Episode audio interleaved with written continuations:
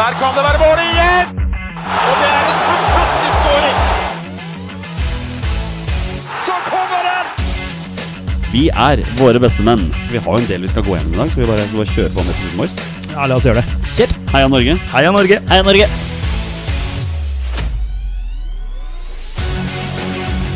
Takk, Ole Gunnar Solskjær!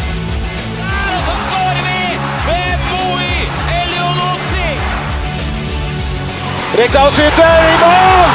Og Norge leder 1-0! Så kommer den! Det er Tariq Elunussi som har sist på den! Martin Ødegaard! Hjertelig velkommen til alle våre følgere og lyttere der ute til det som er Tines aller første episode 258 av Våre bestemenn podkast om norsk landslagsfotball. Mitt navn det er Jonny Normann Olsen. Med meg her i Bestemenn Studios, hverdagshelten fra Bogerud, Petter Hermansen. Hei, Olsen. Du er som vanlig her. Ja, jeg stiller opp, vet du. En gang i uka. Det må jeg jo klare å få til. Og nå som vi har blitt redusert fra tre til to, så har du ikke noe valg, altså. Det er, det er innmari viktig at du stiller. Ja, jeg, eh, det er eh, Når vi sitter og planlegger uka i helgene, så, så noterer vi alltid podkast på tirsdag. Podkast på tirsdag. Det er viktig. Sånn skal det være. Har du hatt en fin fotballhelg? Eh, Ja, for så vidt. Det starta jo med Leeds da på fredag. Det ble en eh, litt forsmedelig uavgjortkamp mot eh, West Brom, hvor Leeds var, egentlig var veldig bra. Det er ikke VAR i championship, så, så West Brom skårte med hånda. Ja, det gjorde det, Ja da. Ja. Altså, det er litt, er litt av sjarmen, er det ikke det? da? Er det ikke de sier? Jeg sier at det er heller det enn var, ja. Ja, det var litt irriterende. Kanskje ikke der og det var da, litt men, eh, irriterende der og da, men ja. altså, for all del, sånn er det. Ehm, og så var det Vålerenga selvfølgelig på, på lørdagen. Uh, ja, de klarte å skrape med seg 0-0 fra Molde, og det, Det, er jo, det er jo sterkt, det, da. veldig sterkt. Det er lov å ha litt flaks. Det Ja. ble jo kjørt ganske bra de første 10-15 minuttene der, og så fikk de justert litt, og så roa det seg, da. Så, men eh, Molde selvfølgelig klart best, og Vålerenga hadde en plan, og det var å ikke slippe inn mål. Ja. Dere er jo for så vidt høyt på bortetabellen, da. Ja, I Eliteserien. Det oppe er- sjette-syvendeplass Jeg på det er bortetabellen, sånn- tror jeg. Ja. Hjemmetabellen, derimot, det, jo det er noe annet. Det er jo helt håpløst. Men eh, positivt i helgen var jo selvfølgelig det at nå ligger vi på kvalik. Eh, noe som gjør at liksom, nå kan vi faktisk Nå har vi det i egne hender. Ja. Eh, I og med at Stabæk da tapte for Viking, og Vålerenga klarte den uavgjorten. Så det, det, var, det var bra. Vi får ta det positive vi kan få nå. Ikke sant?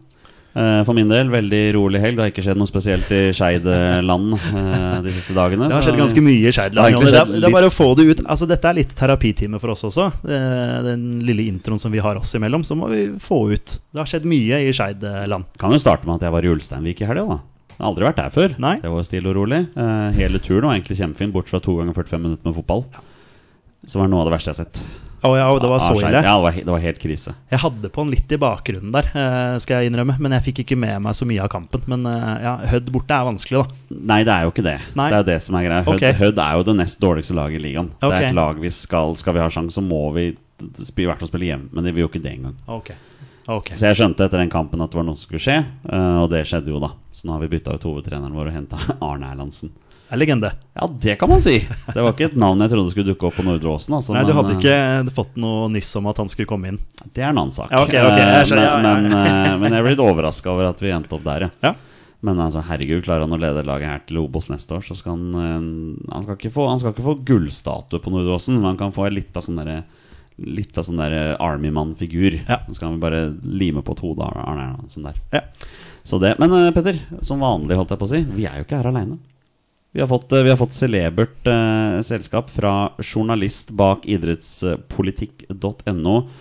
Eh, sportsvaskerens eh, store mm, hater, kan man nesten si det sånn. Og en mann som ikke er veldig populær i Fifa og Uefa og sikkert andre steder. Og det er deg, da, Andreas Seljås. Ja, Velkommen. tusen takk. Seljås. Det er sånn. Seljås. Ja, det er trøndernavn. Det er trøndernavn, ja? Ja. Har du, du har trønderaner? Yes, mutter'n og fatter'n er fra Steinkjer. Men du er ikke fra Steinkjer? Meg. Nei. Jeg er fra Langhus og bor på Bøler. For en fin, for en fin sammenligning der. Ikke sant? Um, vi har fått spørsmål, Andreas. Det er fra Olai Årdal, som er fast lytter hos oss. Hvilket lag heier Andreas på? Har han like blytunge tider som resten av panelet med Skeid og Vålinga? Ja, altså Jeg holder jo med Vålinga, så Ja. der har vi jo samme skjebne som sidemann her. Eh, det er ikke så jævlig som Skeid. og det er jo greit. Ik ikke foreløpig, i hvert fall. Eh, Nei. Eh, så, så er det jo I England så har jeg jo fulgt Everton i mange år, og det er jo ikke så lystig, det heller. Eh, det kan hende at det blir den dyreste stadion i championship etter hvert. Den nye stadion som kanskje blir ferdig nå etter jul. Eh, så holder jeg jo med Bøler. Der er det faktisk litt lysning nå. De, vi slo Kjelsås 3 på onsdag. Hey. En veldig veldig tett match oppe på Myrerfeltet på Grefsen. Og det var gøy. Nå er det veldig mye på gang på Bøler, tror jeg. Eh, nå tror jeg ikke Bøler greier å rykke opp, men eh, kan Hvis det går som jeg tror nå, så kan det i hvert fall bli topp tre i femtedivisjon. Og det nå kommer det inn en del tidligere spillere som har vært ute. Eller som har liksom spilt i Bøler fra når de var små, og så vært ute for, i andre klubber, og så kommer tilbake. Og så er det en del Bøler-spillere som kommer opp. Så det er veldig, veldig god stemning på Bøler. Ja. Eh, og så forhåpentligvis nå så greier de å etablere et damelag igjen. Og det, de har jo ikke tapt en kamp ennå. Nei, nei, nei. For de eksisterer ikke ennå. Men eh, Så det er jo bra. Det er jo det er, jo, det er ikke helt ditt område i, i Oslo, dette her, men det er ikke litt så langt ut, da? Det er veldig mitt område. Ja, det er kanskje det. Ja, altså Jeg er jo fra Bogerud, det er jo rett ved siden av. Ja, det er det, Eh, ja. Så jeg har jo spilt i Bøler. Ja, det har du. Eh, ja, Stemmer det. eh, Fun fact, jeg har jo sittet på benken for A-laget til Bøhler eh, da jeg var juniorspiller. Rett og slett fordi de trengte å fylle opp benken. Ja. Så jeg fikk en telefon. 'Petter, gidder du å bare sitte på benken for A-laget?' Ja ja, selvfølgelig. Så Mm. det har jeg gjort. Så, men det begynner å bli Begynner å bli noen år siden. Ja. Jeg husker jo den legendariske kampen du og jeg var på, Bøhler-Fredrikstad i cupen. Ja, hvor Bøhler leder 2-1. Ja, Bøhler leder jo 2-1 til eh, nesten 90 minutter og taper Ja. 4-2. Ja. Skårte fra 70 meter. Ja, eh, Thomas Lein spilte på topp, og Ja, det var gode tider eh, på Bøhler. Det er jo For ti år siden på nå så var jo Skeid i samme divisjon som Bøhler. Da Ja. Skeid spilte i tredje divisjon. Ja, Da var var- Bøler fryktelige. Den var jo totalt oppløsning Ja, ja. På, den, eh, på den tida der. Stemmer det. Vi dro jo til, Myrfe, nei, til Haraløkka og vant 17-0 Ja, stemmer det. i tredje divisjon. Ja, det rakna jo helt. De var jo ganske gode. Altså Den Fredrikstad-matchen var jeg også på. Mm. Eh, det var vel kanskje den siste kampen til snapperen. Han kom jo tilbake og Stemmer spilte på Bøhler. ja. eh, Stemmer. Eh, nå er det jo ikke så bra med snapperen nå. Han er jo ALS og har det ikke så bra. Mm. Men det tror jeg var den siste kampen hans, eller i hvert fall en av de siste. Jeg tror ikke han hadde trent det året heller, den, men den kampen skulle han ha med seg. Det var gøy. Eh, og så kjente jeg jo en del på Fredrikstad, for det var, jeg er jo fra Langhus og Ski. Der var det jo Christian Pettersen, for eksempel, som Han spilte jo på Fredrikstad da. Eh, Seinere på Follo, cupfinale mot Strømsgodset. Ikke sant. Eh, så det var Det husker jeg, den kampen. Eh, og nå er det jo faktisk en Bøhler-spiller som er i Eliteserien. Rasmus Eggen Winge gikk jo fra Kjelsås nå til Stabæk. Det stemmer, det. Han Så er Bøhler-gutt, ja. Han er Bøhler-gutt. Ah. eh, helt og fullt. Og han har jeg trent når han var veldig liten. Jeg tror jeg be, Jeg stoppa vel opp eh, karrieren hans litt, tror jeg. Det var bra. Han gikk til Oppsal, og så gikk han til Nordstrand. Ja. Og det tror jeg var bra. Ok. Eh, men han er Bøhler-gutt. Så du skal ikke ha all kred? For at Nei, jeg skal ikke ha noe annet enn at jeg var trener, sånn at han hadde et lag å spille på, tror jeg. Jeg tror det er det eneste. Ja, men det tar vi med oss. Ja. Det er klart vi gjør det. Vi må prate landslagsfotball. Det er jo derfor vi er her. Andreas, eh, kort ditt forhold til norsk landslagsfotball? Det er veldig todelt, holdt jeg på å si. Altså, jeg, uh, når jeg var liten og mindre, så var det jo landslaget som på en måte var det store. Altså, jeg er jo egentlig Eller Foreldra mine er fra Steinkjer, og da var det jo Fattern har jo snakka om disse gode, gamle Steinkjer-spillerne, Arne Kotte og gjengen, ikke sant, og de var jo på landslaget. Og det var liksom Husker du landslaget på den tida? Så jeg flaska opp med de historiene der. Eh, og så begynte jeg Og så fulgte jeg jo Bjørge Lillien på radioen. Jeg begynner å bli gammel, ikke sant. Jeg er jo 50 år. Bjørge Lillien på radioen, og da var jo kampen alltid mye mer spennende og velspilt enn det det egentlig var, tror jeg. Det er jo da radioens forse. Eh, og så begynte jeg å gå på landskamper sjæl. Eh, på sånn 87-88.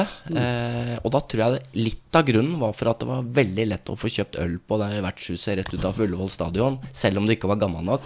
Ah, Og det som het eh, Black, eh, Ullevål kro eller noe sånt, men jeg tror det ble kalt Like eller Kassa eller noe sånt, fordi det ligna Det var to versjoner på det, enten at det ligna på en sånn eh, Sånn uh, kiste, eller at det var en bartender eller servitør som hadde daua i kjelleren eller noe sånt. Så det ble kalt for Like eller Kassa. Men da begynte jeg å gå på kamper med, med lag som Jugoslavia, Tsjekkoslovakia, Sovjetunionen. Jeg har sett Norge tape mot alle de tre. uh, og det er jo land som ikke eksisterer lenger. Nei. Eh, men da var det veldig kult å gå på landskamp, selv om det, Norge tapte. Jeg kom, tok toget fra Langhus, og det var liksom en lang tur inn til byen. Og kanskje fikk øl uten at du egentlig fortjente det, før match. og så hadde jo jeg en kamerat vi, som, spesielt som jeg dro sammen med, og vi hadde sånn konkurranse med å finte hverandre ut og sånne ting. Og da var det f.eks. om å gjøre å sitte igjen lengst etter kampen og sånn. Hvem ga seg først? Så jeg har gått sist ut av Ullevål stadion mange ganger etter landskamp. Og så begynte jo Drillo-perioden, og da kjøpte jeg jo sånn sesongkort eh, med tre kamper om gangen og sånne ting. Faste plasser. Så jeg har jo sett Norge vinne mot England, Italia, Nederland, Tyrkia, Polen. Altså det er jo den rekka der. Veldig kult. Eh, og så blei det litt for sånn der eh, Holdt på å si kommersielt. Du, når du kjøpte sånn trepakk og fast plass, så fikk du også skjerf og slips, og, og det var jeg ikke så veldig Syns det ble litt for mye. Thomas Ganke tror jeg hadde en liten finger med i spillet på sånne ting. Og så husker jeg Jeg har jo vært med i klanen i mange år. Ja. Og en av de tinga vi hata mest, var jo trommer. Nå er jo det innenfor fullt overalt, da. Eh, men da husker jeg vi hadde fast plass i det som nå er VG-svingen. da Eller var VG-svingen, i hvert fall. Eh, og da var det en som hadde tromme, og han satt jo på samme plassen hver gang vi møtte opp. Og da husker jeg det var en som gikk opp og bare ødela tromma. Dette orka han ikke mer. Nei. Ellers får du finne deg en annen plass. ja. Eh, så det er liksom da jeg var aktiv. Vi dro jo på Eng så England-Norge på Wembley 92 og Kjetil Rekdal skåra det fantastiske målet. Eh, og da blei vel Tore Pedersen skada, tror jeg, og Henning Berg bytta en. Og så var det Henning Berg som gikk til Blackburn, og ikke Tore Pedersen. ja, den historien der. Eh, men da var det kult å dra på landskamp. Eh, og så kom jo flytta jeg til Bøler etter at jeg hadde vært student og, og begynte å jobbe og sånne ting. Og da ble jeg jo da frivillig i, i Bøler som trener og satt i styre og sånne ting. Og vi hadde jo dugnader på Ullevål stadion. Så de fleste kampene etter, la oss si 2000, 2005, de har jeg jo sett på som dugnadsvakt. Da fikk jeg gratis innpass. Det er kult. Det er. Eh, så da har jeg sett mange kamper som jeg ellers ikke ville ha dratt på, tror jeg. Eh, så det er litt mitt forhold til landslaget som sådan. Ja. Eh, og nå har jo da etter hvert så er jo da Jeg har blitt veldig engasjert i jentefotball. Ja.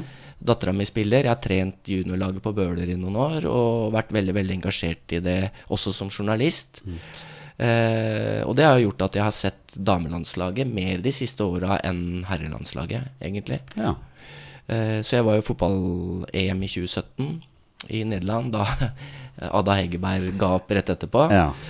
Og da var det jo fullstendig krise. Eh, og det var altså så ræva mesterskap. Eh, og så var, vi jo, var jeg på Wembley i fjor, og så finalen mellom England og Tyskland, som er en av de kuleste kampene jeg har vært på noen gang. Fordi det var en spennende kamp. Eh, England vant på hjemmebane. Eh, og sammensetningen av publikum var veldig veldig spesielt. Og så har jeg vært i fotball-VM i Sydney og New Zealand nå i tre og en halv uker. Ja. Og sett eh, et dårlig prestasjon igjen.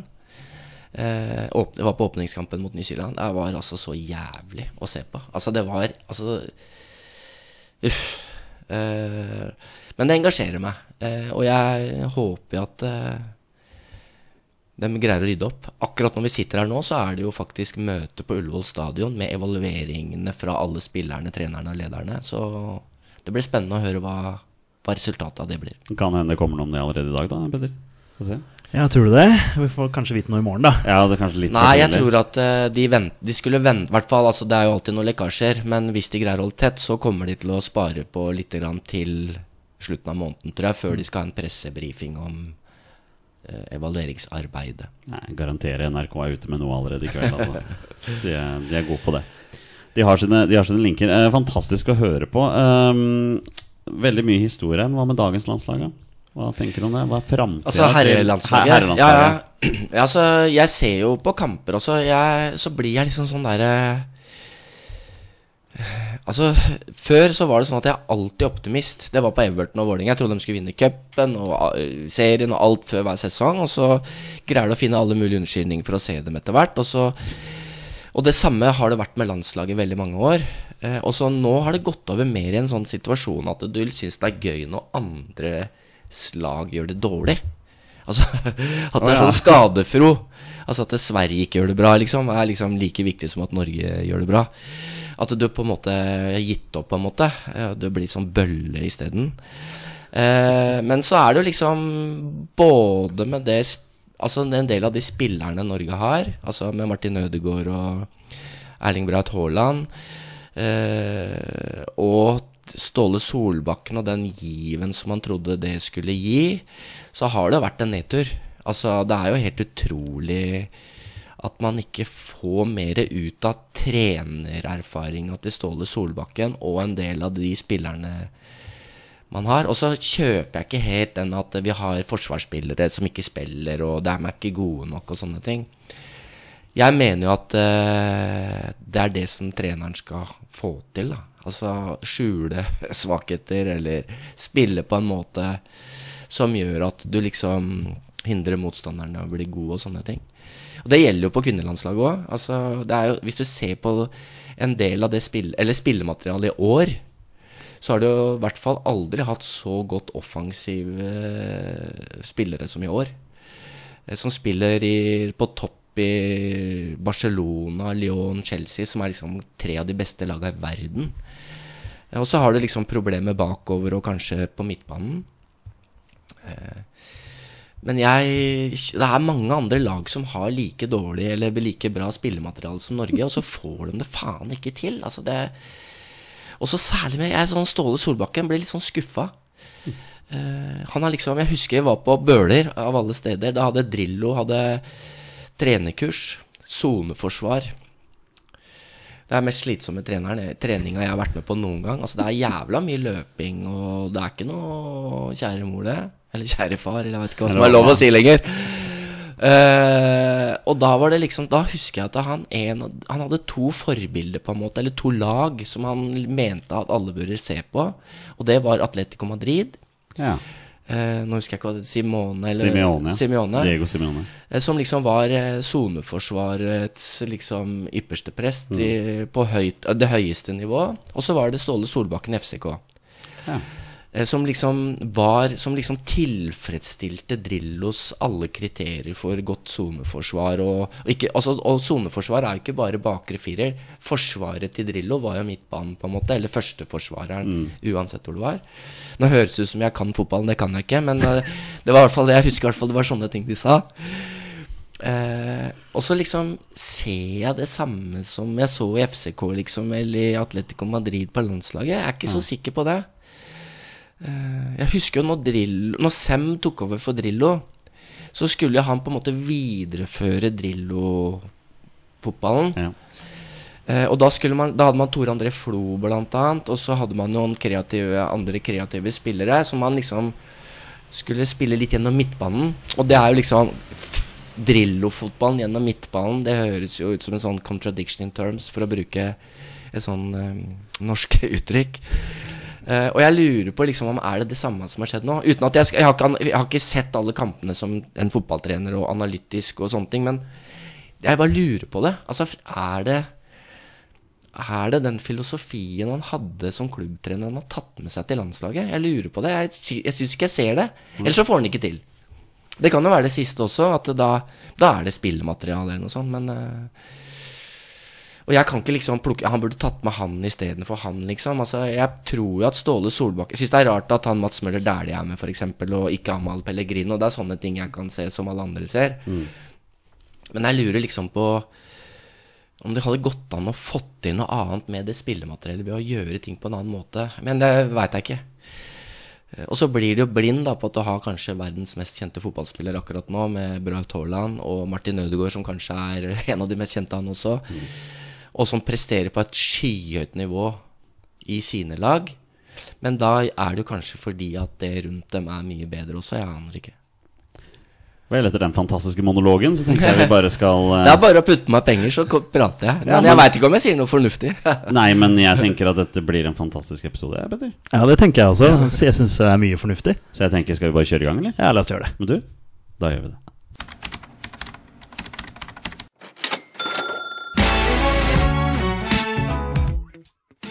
Vi har fått fint besøk av Andreas Seljås fra idrettspolitikk.no. Andreas, ehm, du driver nettstedet. Du ble kåret til årets medienavn i fjor. Gratulerer så mye med det. Ehm, I 2021, Petter, da ble ordet sportsvasking kåret til årets ord av Språkrådet. Andreas, er det innafor å si at du arbeider med sportsvasking på fulltid?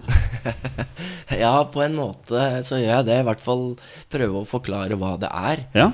Eh, samtidig så mener jeg at det ordet på, Jeg er ikke så glad i det ordet heller, for jeg mener at det ikke dekker alt det vi ser. Eh, og at vi ofte snakker om eh, Når vi snakker om det, så snakker vi, definerer vi det forskjellig. Sånn at vi snakker ofte forbi hverandre, eller det blir litt, en del misforståelser og sånne ting. Eh, Men mest av alt så mener jeg at det på en måte Det er særlig f.eks. hvis vi snakker om Qatar og Saudi-Arabia. Ja. Så mener jeg at man Det er noe mer enn sportsvasking vi ser, da. ja. Uh, og jeg veit ikke om jeg, vi skal, jeg skal utdype det, men, men sånn som f.eks. Amnesty Hvis du bruker deres definisjon på sportsvasking, så er det, det Jeg veit ikke om det er en definisjon, men de har noen elementer som er med. Og det er blant annet at de, det er stater som skal skjule brudd på menneskerettigheter. At de bruker sport eller idrett som virkemiddel for å få til det. Eh, Men Qatar og Saudi-Arabia, Emiratene, Aserbajdsjan, de, de bruker det også ikke bare for det. Nei. Men så er det også sånn at eh, hvis du snevrer det inn til det, så er det bare menneskerettigheter eh, det dreier seg om. Eh, du kan f.eks. ha eh, Hvis det f.eks. er eh, miljø... Altså, altså ting som ødelegger miljøet, f.eks. De arabiske landene driver jo med det også. Altså utvinner olje og gass og sånne ting. Eh, og hvis det, hvis det da f.eks. de prøver å bruke idretten for å skjule at de gjør det, så er det jo ikke sportsvasking lenger, for det har ikke noe med menneskerettigheter å gjøre. Eh, ikke sant? Og da, da mener jeg at da er sportsvaskingsdefinisjonen for snever, ikke sant. Men så er det også sånn at eh, er det bare autoritære Og så er det autoritære stater, da. Det er en, et, også et element hos Amnesty. Og er det bare autoritære stater eller diktaturer som holder på med det? Kan det være demokratiske stater, f.eks., som også gjør det? Eh, prøver å bruke idrett for å dekke over noe. Eh, så det er en sånn diskusjon man må ta. Og det er derfor jeg mener at det sportsvaskingsbegrepet, hvis vi begynner å prate om det, så mener jeg at vi må definere det, sånn at vi snakker om det samme. Eh, og at eh, Sånn at eh, vi er veldig tydelige på hva som er sportsvasking og ikke sportsvasking, og hva, hva er hensikten med det, og hva som er utfallet av det. For meg Petter, så er jo sportsvasking litt av det som Andreas også sier. Det er jo nettopp det at man bruker idrett for å dekke over det faktum at man driver masse avskyelige greier sånn som de gjør. Da. Og vi kan jo snakke litt om Newcastle, da. Det de, de, det funker på en måte det de gjør der når fansen dukker opp utenfor stadion med, med turbaner og masse greier og sånn. Og du har da De stilte vel i Saudi-Arabias bortedrakter som drakk tredjedrakt i fjor. Ja, skal vel ha Og nå skal de arrangere to Ja. landskamper Ja. med Saudi-Arabia også. Og det virker som Newcastle-supportere de, de lukker øya. Det er ikke så nøye for de. Det er Men det er, det er noen supportere som er veldig veldig harde mot det. Det er jo en egen sånn, eh, særlig på Twitter eller X eller hva det heter for noe, som er veldig tøffe. Og de tror jeg kommer til å mobilisere ganske mye på den de landskampene som eh, du snakka om. Men jeg, bare, jeg skal et, prøve å gi et lite eksempel på hvorfor det kan være litt vanskelig å snakke om sportsvasking som sportsvasking som Fordi Sånn som Qatar. Ja. Eh, Vi skal snakke om Qatar i dag. ja, da, jo, men altså. Qatar, da. De ville ha fotball-VM. Eh, og de ville ha så masse annet.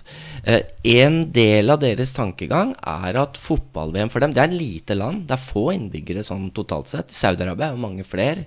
Eh, de landene rundt har flere innbyggere. Eh, større militære kapabiliteter og sånne ting. Og en, en del av tankegangen var at det å ha fotball-VM gjør at de ikke blir angrepet av nabostatene. Det hadde jo ikke noe med menneskerettighetsbrudd og sånn å gjøre i utgangspunktet, eller eh, ikke bare det. Eh, og, da, og så er det også sånn at det, det er jo en del av de statene som tror at det å investere i idrett også er en god investering for framtida, sånn at de kan få noe igjen. Altså De bruker oljefondet sitt. da Altså Saudi-Arabia bruker oljefondet sitt nå. Men hvis du ser på Saudi-Arabia, så er, investerer jo ikke de i idrett fordi at de ikke vil bli angrepet av nabostatene. Det er en helt annen logikk de bruker.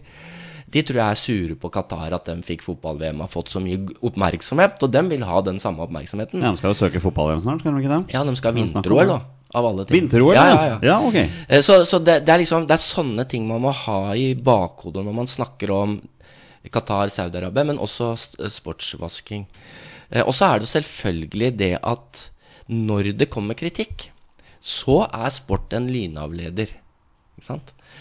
Eh, så da, sånn at det er liksom, hva motivasjonen er, og hva som er drivkreften og sånne ting, det er, kan være forskjellig fra stat til stat. Men at sportsvasking er en del av det, det tror jeg. Men det er ikke hele bildet. Men tror du, tror du ikke også at det er veldig mange supportere som, som, som også er veldig i angrepsmodus i forhold til f.eks. det at eh, Qatar fikk VM nettopp fordi de opplever at Fifa på en måte ljuger om det. da For Ikke bare hvorfor de fikk mesterskapet, men at Fifa også prøver å late som. Altså De prøver liksom å lukke litt øya for de problemene som er i Qatar i forhold til menneskerettighetsbrudd. Sånne ting også. At det blir på en måte at man angriper også Fifa for det. Ja, ja, altså jeg mener jo at Fifa på mange måter er den største forbryteren her, egentlig. Ja, altså, altså de, dem, har jo ikke, dem har jo ikke liksom eh, Det er jo ikke dem som eh, Altså, det er jo ikke dem som ansetter migrantarbeiderne, liksom. eh, eller eh, undertrykker homofile. Men de på en måte De gjør ikke noe med det når det blir gjort. Så de, og det er deres mesterskap, så de har jo ansvar for at eh, det ikke skjer. Og det står jo også i statutten eller de etiske kodene og alt mulig av disse rare dokumentene som de har greid å produsere, at de skal disse statene skal ikke få lov til å holde på som de holder på, og så får de holde på likevel. Så det, de har jo et veldig veldig stort ansvar. Så er det også sånn der, Du snakka om supportere og Newcastle, f.eks. Som et eksempel. ja. Ja, et, om et eksempel. Da har det kommet altså, Og du har jo Manchester City også, som da er eh, eh, Nå veit jeg at Manchester City-supportere som hører på dette, sier at de sier, mener at de alltid sier feil, men det er jo, det er jo sterkt knytta til myndighetene da, og kongefamilien, eller eh, Åpenbart. der. Eh, og eh, når de f.eks. da eh, eieren av Manchester City De går inn i Manchester, så kjøper du ikke bare klubben. De inngår jo avtale med eh, byrådet, eller eh, kommuneledelsen, eller hva, hva byrådet, eh, om f.eks. kjøp av eh, store bygårder. De investerer i eiendom, lager fattighus, mange sånne ting.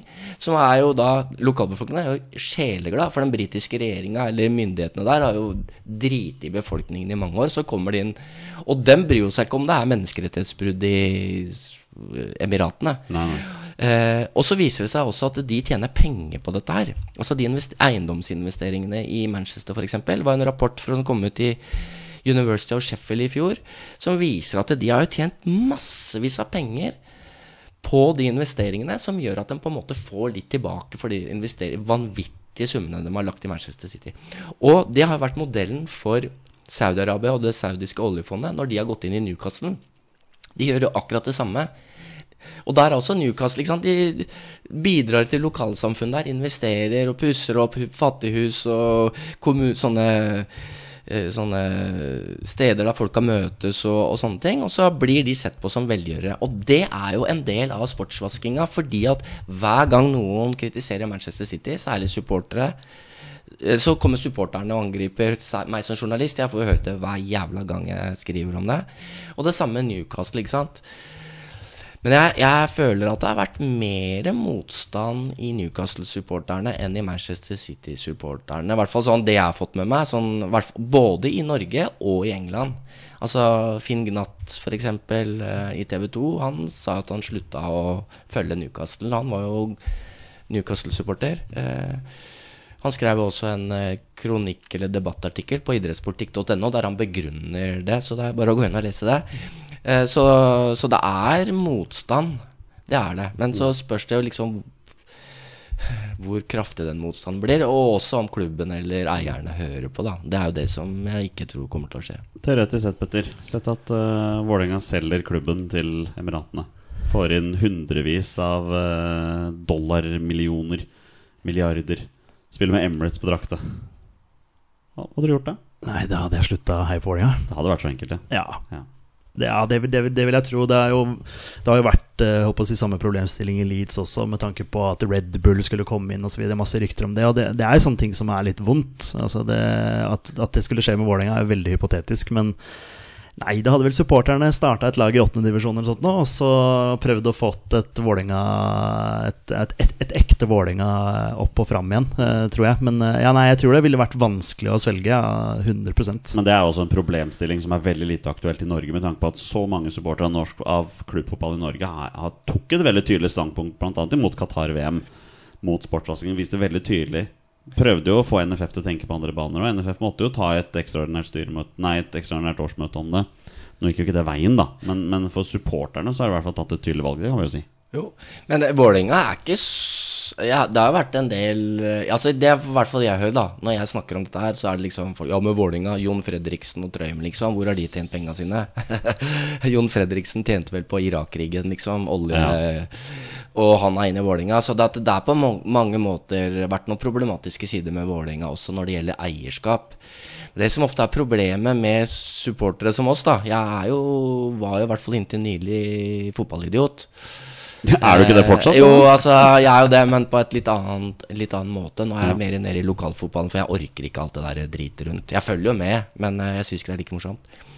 Eh, men da er det jo det at eh, Får du høre det tilbake der, men du holder med Vålinga, hvor kom penga til Jon Fredriksen, og dere dopa klubben og sånne ting. Og så blir det kanskje litt som Leeds eller Chelsea nå, som liksom får eh, måtte kvitte seg med Abramovic og Putin-penger, og så kommer det inn en amerikaner nå som bruker masse penger, og så gjør det det bare dårligere og dårligere. Ja, ja. Det er litt sånn Vålerenga har holdt på med i mange år. Men Vålerenga har jo ikke akkurat blitt bedre, da.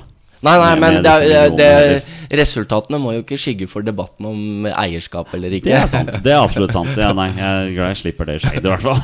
Det er bare pornopenger i Ja, ja Ja. por pornopenger er jo det er da ingenting. Det er Jeg da tror hvis du ringer til eh, kvinnebevegelsen eller redaktøren i Fett, så vil jo dem si at Skeid også er dopa på andre ting. Fikk en, Vi fikk en fin bortetribune. Leif Hagen-tribune heter det. Ja, ja, ja. Så den er fin. Eh, Vi har fått noen spørsmål, Andreas. Jørn Henland lurer på Er det, er det noen av Fifa-pampene som har rent mel i posen? Ja, altså Det kommer litt an på hva du mener med Fifa-pamper. Altså Hvis du ser på Altså Hvis du går tilbake til da Russland og Qatar fikk VM, da var det jo i utgangspunktet 24 stykker Altså i eksekutivkomité som skulle stemme, og to var kasta ut før avstemninga pga. av korrupsjon. Ja. Og i etterkant så er 17 av de 22 utestengt for korrupsjon, mistenkt for korrupsjon eller sitter i fengsel for korrupsjon. Det er jo nesten som man skulle tro at Qatar ikke fortjente å få VM. ja, det gjorde dem ikke. Eh, og så, og også fordi at de var jo den dårligste søkeren av alle. Altså det som, Hvis vi skal ta to minutter på det, så var det jo sånn at eh, etter eh, mye om og men så blei jo tildelinga delt opp i to grupper. Det ene var Europa, eh, og så var det resten av verden.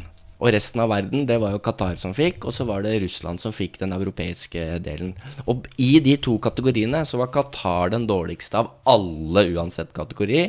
Og Russland var den desidert dårligste av kandidatene. Altså hvis du ser på den evalueringsrapporten av de europeiske. Og begge fikk, ikke sant. Og det sier jo at det ikke var så reint, det greiene der, da. Men så det som skjer etterpå, det er jo at eh, for det første så er det Nå er det jo Kongressen, 211 land, som stemmer. Og da er liksom alle er pamper. Altså, er de pamper? Lise Klavenes, er hun, hun Fifa-pamp, liksom? Nei, det er hun ikke. Hun er NFF. Så da er det Fifa Council nå, som er mye, mye fler. Mange flere. Nå er jeg litt usikker på Det er 30 ca. Nå husker jeg ikke eksakte tall akkurat eh, i hodet akkurat nå. Eh, og det er jo ikke alle dem som er korrupte nødvendigvis. Men det som skjer i Fifa og en del andre forbund, er at du blir Lederen er veldig mektig, så den får liksom Den får alltid vilja si. For det er ikke så veldig demokratiske prosesser. Det er ikke så veldig mange møter, og den som på en måte er til stede hele tiden, den har mest makt. Eh, og så er det veldig mange forskjellige interesser. Og sånn er det også i f.eks. håndballforbundet. ikke sant? Det er svømmeforbundet. Veldig mange forbund, så er det sånn. Eh, så det, med rent mel i posen er det Hvis jeg begynner å beskylde folk for korrupsjon, så kan jeg få noe, eh, flere brev i posten. Men Det, det, er, du- det er du vel vant til? ja, da er jeg altså? vant til det. Men så, så det, er, det er veldig, veldig mange hensyn da- altså De som er i gamet, tar veldig mange hensyn, og veldig ofte så er de hensynene til fordel for seg sjøl, eller for å bli gjenvalgt, eller til sitt forbund. Men så, så Fifa-pamp, hvis Fifa Council nå er liksom Fifa-pamper, eller de som sitter i, i Zürich, liksom, så veit jeg ikke om alle er det. Men Infantino, Fifa-presidenten, han har ikke rent mel i posen. Det er garantert. Det, det tør jeg påstå. Jeg tror, tror de fleste er innafor om det. Petter, vi før fotball-VM, altså i årene egentlig før det, så hadde vi mange diskusjoner innad her i Våre bestemenn om vi i det hele tatt skulle se på mesterskapet. Eh, og her ble det veldig delt. Jeg valgte å ikke se noe. Du tok en annen vei. Ja, jeg, eh, jeg valgte å se på. Ja. Eh, Jeg så ikke alt, men jeg valgte å se en del av kampene. Det, det gjorde jeg. Ja. Og, og det tenker det er jo helt innafor. Ja, det, det tenker jo Altså, folk må jo gjøre sånn som de eh, vil. Og jeg har veldig respekt for de som holdt på å si klarte å ikke følge med på noe som helst. eh, Det var og- ikke lett, skal jeg si. Nei, nei, nei jeg, jeg, forstår det. Eh, men men jeg, det var med en bismak. Det var det. Ja. Eh, det skal jeg være dønn ærlig å si. Og selv om det selvfølgelig det var mye bra fotballkamper, det, det var det. Og det er jo holdt på å si spillet jeg elsker å se på, først og fremst. Og så selvfølgelig er det et bakteppe der som du på en måte hele tiden har litt i bakhodet. Da, hvor du liksom tenker at faen, de her skulle aldri hatt det mesterskapet, men den kampen der var jævlig bra. Og så dukker det opp i ettertid rapporter om at nå er alt som det var før. Ja. Migrantarbeiderne sliter, og det har ikke blitt noen forandring på, eh, på lovene og hvordan eh, de praktiserer eh, menneskerettigheter der nede. Nei. Alt er det samme. Eh, Men du var litt inne på det, her, Andreas. Vi skal snart gå videre. Men vi var innom Newcastle-sporta. Selvfølgelig at det er noen utbrudd her òg. Og jeg prøver ikke å sette alle Manchester City-Paris-supportere under en kam. Selvfølgelig er det folk der også som ikke setter pris på det. Altså, det er jo Manchester City-supportere som har holdt med laget sitt i 40 år, som nå endelig opplever ordentlig suksess for laget ditt. Og selvfølgelig er det en liten bismak for det, men man må på en måte ha litt respekt for de som også har fulgt laget kjempelenge. Jeg syns det er dritkjipt å gå rundt i Norge nå og se 10-11-åringer som alle har på seg Manchester City-drakt med Haaland bakpå, for de veit jo ikke bedre. Men, men, eh, men det dess, dessverre blir det jo en del av fotballen også, da. Sånn som det blir. Ja, og så er det Det er litt sånn Det ene er at du kan ikke på en måte ta bort historien din. ikke sant? Selv om du liksom slutter å se på det og sånne ting, så husker du alle kule ting med klubben. Eller kanskje flest ikke-kule ting, egentlig. Det er det vi husker best. Eh, og så er det jo litt sånn hvordan du er som supporter. Sånn som det er jo da Altså Når Manchester United ble kjøpt av amerikanerne, så var det noen som protesterte, gikk ut av klubben, lagde en ny klubb, liksom. Altså Der går an å være Da er du ganske hard. Eller du tar et valg som er veldig dramatisk, som gjør egentlig at du begynner å holde med en annen klubb, eller kanskje den klubben du mener er ekte. Eh, og så er det også de supporterne som på mange måter ønsker å jobbe innenfra. Altså at det, du fortsetter å følge klubben. Du drar på kamper, heier på det man holder på spillerne, liksom. Eller på laget, drakta. Eh, og så jobber du hardt for at ting skal endres til det bedre. Ja. Eh, Bayern München-supporterne er vel kanskje de som har vært mest fremtredende på akkurat det, i hvert fall sånn som jeg kommer på nå, som står på generalforsamlingen og virkelig skjeller ut ledelsen fordi de er sponsa av Qatar, de drar på treningsleir til Qatar og sånne ting. Uh, og da på en måte Da viser du Det liker jo ikke Qatar. Altså at det er intern uro i klubben. Så det er kanskje den beste motstanden du kan gjøre. At supporterne Men så har du de supporterne som på en måte gir faen, bryr seg ikke. Og dem har jeg mer problemer med. Og særlig de som angriper meg. Og sier at fy faen, og sånn what aboutism. Liksom alle andre klubber er like jævlige, så hvorfor skal du bry deg med oss? Ja, ja. Hva med den klubben? Eller sånn, sånn eh, Faen, du har jo bare negative eh, ting å si. Du ødelegger fotballgleden. Og så er det jeg som ødelegger fotballgleden, liksom. Altså, du, hallo? du kjemper jo for fotball. ja, ja, og, så, og da, det, da har vi i hvert fall forskjellige definisjoner av hva fotballglede er, da.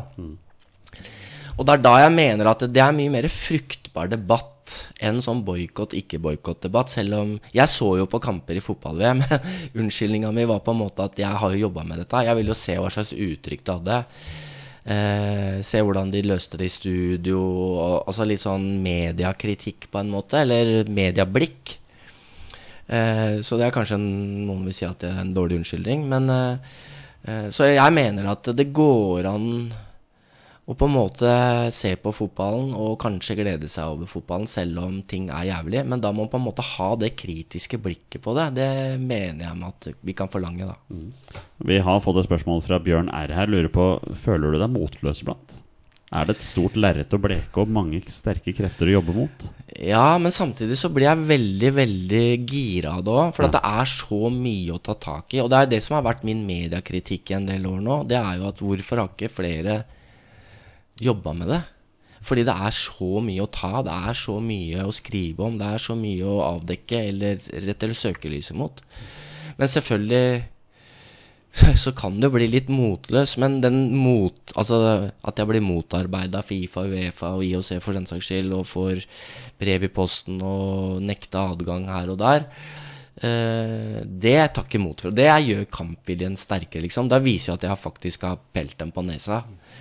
Eh, jeg husker Jan Jensen i Danmark og jeg Vi jobber Ja. veldig mye sammen. Vi driver og lager en dokumentarfilm nå om Fifa og Gian Infantino. Vi blei jo tatt av politiet rett utafor huset hans i Zürich nå i mars. Stalka du han, altså? ja, eh, det er en lang historie, men han hadde, me- han hadde meldt flytting fra Zürich til Zug, selv om han bodde i Qatar. Han har jo Ja. bodd halvannet år i Qatar. Jeg tror fortsatt han bor i Qatar.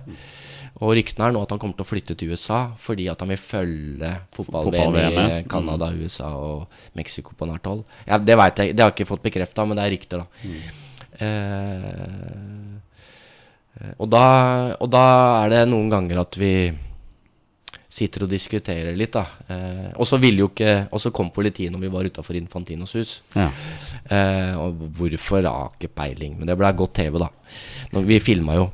Eh, men det, da er det ofte sånn i sånne situasjoner når vi blir motarbeida Vi fikk eh, brev om at vi kunne bli trua med søksmål hvis vi gikk ut med historien vår, og vi skrev en artikkel eller to fra det greiene, og vi, vi har ikke blitt saksøkt ennå. Men, men da spør jeg alltid Jan. Han er litt eldre enn meg og en veldig hardbarka, erfaren journalist.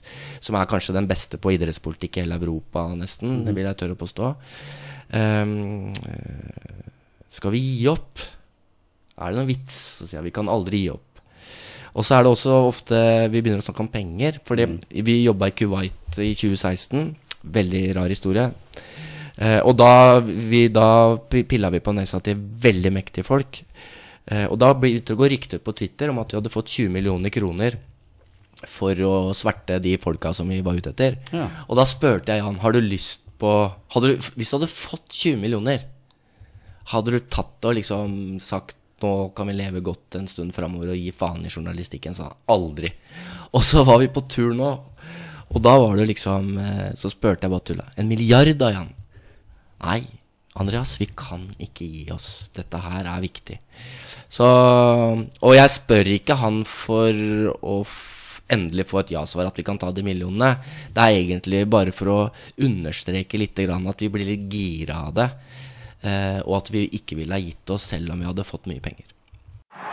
Og skårer! Mini Jacobsen skårer for Norge! I en god tyrkisk periode så får vi opp til 3-0.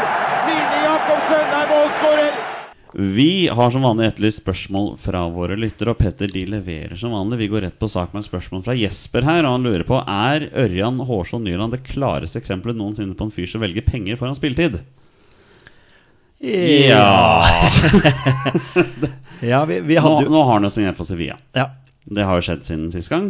Det blir, det blir en ny periode på benken ja, for vi, vår førstekeeper. Da vi så de ryktene kom, så blei vi litt skuffa. Vi håpte liksom endelig at han skulle eh, velge en klubb hvor han får spilletid. Han får sannsynligvis ikke det nå i Sevilla, så han var på benken her i ja, et par dager siden. Eh, så, Og der blir han sittende. ja, det tror jeg også. Det tror jeg virker som han er egentlig ganske komfortabel med det. Altså Sevilla er jo en stor klubb, og, og det å kunne flytte dit og få spille fotball i Spania er jo stort. Men han får ikke spilt fotball, han sitter jo, sitter jo på benken. Så for landslaget sin del så er det jo selvfølgelig veldig veldig synd, men det virker som han er for meg virker det som han er veldig komfortabel med å vite at han er Norges nummer én uansett Ja. hva han gjør. Så de valgene han tar, går ikke utover landslagsplassen hans. Så det, det er synd, fordi vi er jo eh, avhengig av å ha matchfitte spillere, mener nå jeg, da.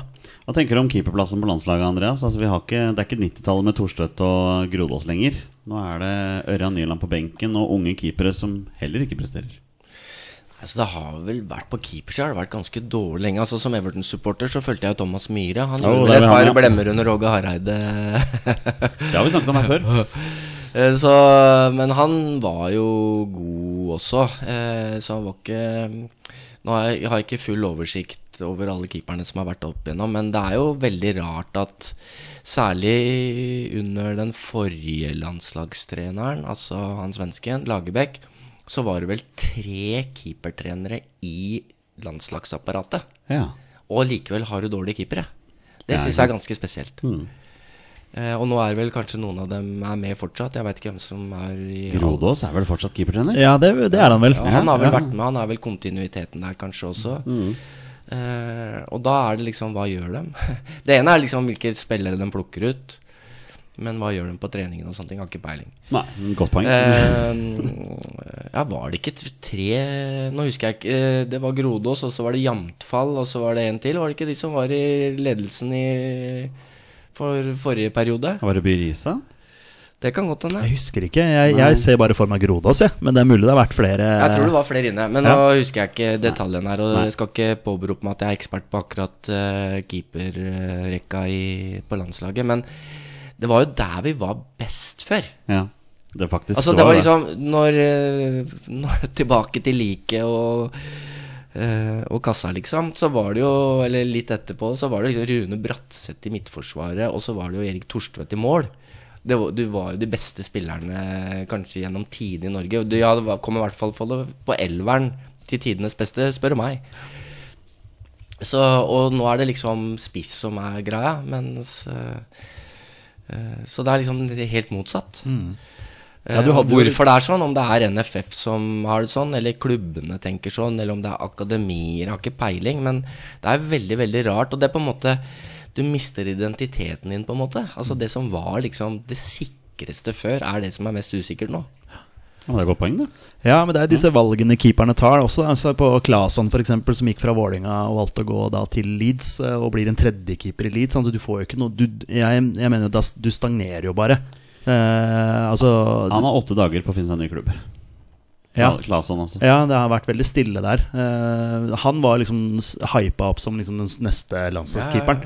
Men så har det jo stoppa helt opp, fordi han spiller jo ikke fotball. Nei. Så det er, eh, det er utrolig viktig, de valgene der. Derfor blir man jo skuffa over at Nyland da velger å gå til nok en klubb hvor han blir reserve. Ja. Vi har fått spørsmål til deg, Andreas, fra Torstein Børgo, vår tidligere makker her. Har du noen gang eh, blitt forsøkt kjøpt, lagt bånd på, truet av internasjonale medier eller personer etter din intense dekning? Altså, jeg har ikke blitt tilbudt penger. Nei. Det har jeg ikke. Men når du jobber som journalist, så er det veldig ofte at det er krefter som har lyst til at du skal skrive en sak. Mektige krefter. Jeg nevnte Kuwait i stad. Da blir du f.eks. kontakta av et, et PR-byrå eller et sånt byrå som jobber for sterke krefter, som vil ha journalister dit og datt og betale for reise og sånne ting. Og målet deres er jo at du skal skrive saker som er fordelaktig for dem. Ja. Og, eller kundene deres, da. Det har jeg blitt uh, prøvd på mange ganger. Ja. Uh, men der er det også tilbake til Jan Jensen i stad. Uh, Nå har jeg jobba frilans i mange år. Jeg har jo ikke driftsbudsjett i det hele tatt. Så jeg må jo være sånn Hva heter han i Hakkebakkeskogen? Han, han som får mat hele tida. Klatremus. Klatremus, ja. Eh, klenge meg på andre og, og liksom la andre betale Altså, ikk- eh, altså mediehus. ja. Eh, og da, hver gang vi har fått sånne tilbud, f.eks.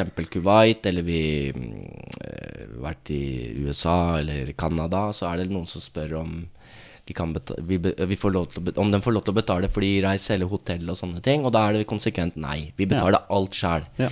Og det er jo på en måte å kjøpe deg, fordi at eh, eh, Jeg husker vi fortsatt sitter og snakker om en kaffekopp vi fikk i Kuwait, liksom. Hvor han er misfornøyd med at vi mottok den, men så liksom Det, det tror jeg ikke vi skapte Vi ble upopulære hos dem, og alle vi skrev om fordi vi fortalte hva vi var med på, og ikke skjulte hvem som vi var sammen med. Eh, så de, veldig ofte så blir de skuffa, da. Eh, men å bli knebla, det er blitt forsøkt mange ganger. Ja, Det tror jeg på. Eh, og det er jo særlig Fifa-saker. Nå nevnte jeg den saken da vi ble tatt av politiet utenfor Infantinos hus i Zug i Sveits. Ja. Det tror jeg var litt sånn eh, Jeg tror ikke det var noen i Infantinos familie som hadde ringt, for de har jo aldri bodd her, egentlig. Det var det vi fant ut. Det var bare et sånn skalkeskjul. Det var noen naboer som kan, Vi gikk jo rundt huset og ringte på dørklokker og sånne ting, og vi så med kameraer og sånt, så vi så sikkert litt mistenkelige ut. Men i etterkant så blei vi jo trua med søksmål, ikke sant. Eh, i- når jeg jobba med Qatar og dokumentarfilm og sånne ting, så uh, var jo en av de Jeg, jeg lagde jo en dokumentarfilm med Thomas Aune, Alexander Schou, Frode Lia, uh, om den norske Qatar-debatten. Og i den filmen så viser jeg jo hvordan VM-komiteen i Qatar Hvordan de overvåka meg og ønska at Terje Svendsen skulle komme til Qatar for å få argumenter som han kunne bruke mot meg og Josimar og andre journalister som skrev kritisk mot Qatar. Eh, og jeg jobba med Anders Besseberg-saken sammen med DN-journalisten Lars Bakke Madsen. Eh, og da blei vi trua av eh, advokatene hvis vi gikk ut med navnet på de vi skrev om og sånne ting. Det som, ofte, det som er bra i Norge, er at vi er ikke omfatta av den lovgivningen som de henviser til. Så vi kan jo egentlig bare vise dem fingeren. Josimar ble jo trua nå, ikke sant, i Qatar-spørsmålet. Eh, men når du jobber aleine, eller du er et lite miljø, sånn som jeg eller Josimar, eller eh, Så har ikke jeg noen advokatressurser, og jeg har ikke noe penger som hvis det blir rettssak og sånne ting. Så du kan jo bli skremt på en måte, eller at du velger å ikke skrive om det for det trøkket blir for stort. Eh, Det har ikke skjedd i mitt tilfelle, men det er jo det de håper på. Veldig sjelden så blir det rettssaker. De bruker det bare som et, et middel for å kneble deg. Uh, og det er flere andre eksempler. Den Kuwait-saken som jeg nevner, så ble vi trua Da jobba jeg sammen med Nick Harris i Mail on Sunday, som er en av de tøffeste gutta når det gjelder avsløringer uh, på alt mulig rart. Han har vært knallhard mot Manchester City, blant annet. Uh, men det var også en av de som avslørte dopinga i Sotsji Ja. eh, og hva som skjedde der. Og vi blei da trua med søksmål to ganger, tre ganger i den saken, for han var med å skrive en del av de Kuwait-sakene som jeg snakker om. Eh, så, men i Norge så er vi ikke så ramma av den, den lovgivningen, så det blir mer sånn Orker jeg dette, liksom, For det er så mye pes. Mens f.eks. i Storbritannia så er det der libel-lovgivningen og en del lovgivning der som gjør at det faktisk funker. Sånn at det, og det tror jeg har skjedd i f.eks. Manchester City-saken og all den Uefa-saken som de først fikk en straff med utestengelse fra Champions League i to år, og så fikk de bare bot.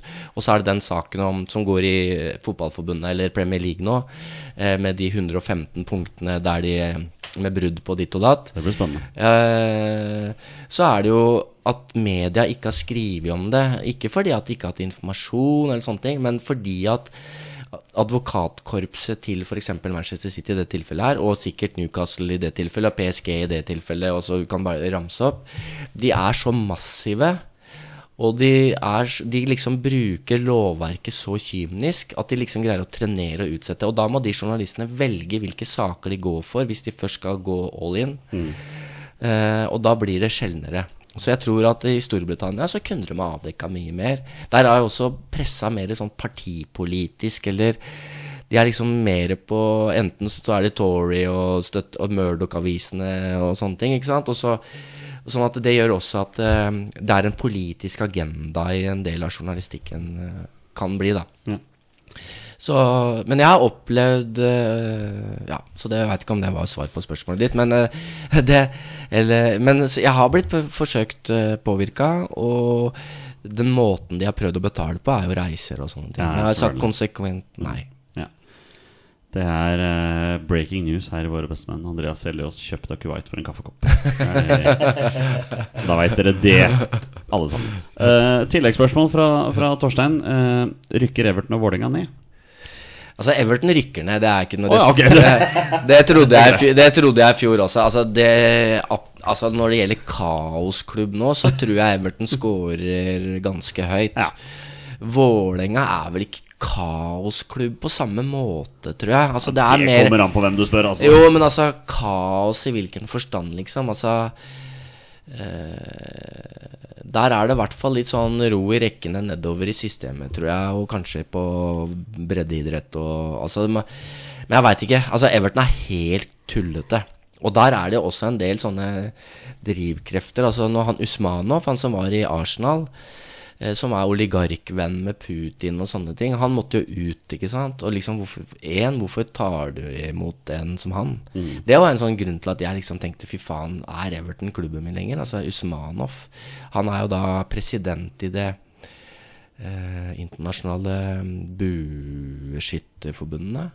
Nei, fekk... Eh, jo, bueskyting. Ja.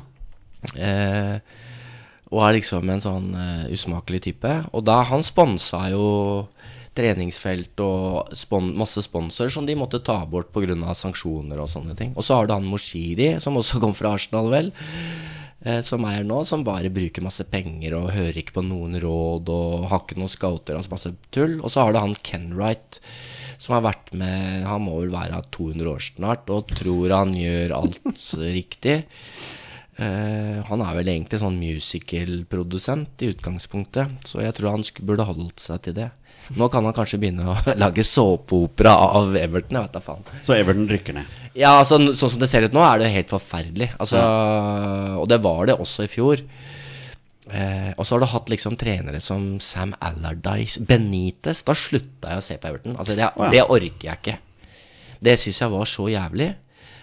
Eh, altså Og så var det jo han eh, Frank Lampard, som var en hyggelig, veltalende kar, men som ikke hadde peiling på en dritt. Nei.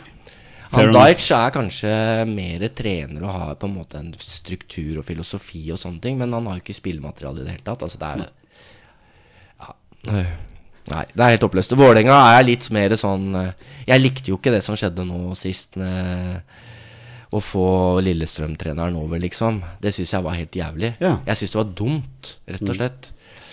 Eh, men altså, selvfølgelig, hvis det redder skinnet, så sier jeg sikkert noe annet, liksom. Men ikke jo, det burde ikke vært gjort på den måten. Nå hadde jeg ikke noe stor sans for Fagermo heller, men eh, hvorfor i helvete skal du ha Lillestrøm-treneren over? Altså eh, Det er jo altså, Hadde det ført til at Lillestrøm rykka ned, så hadde det vært bra. Men Ja. det skjer jo ikke det. Nei, det gjør ikke det heller.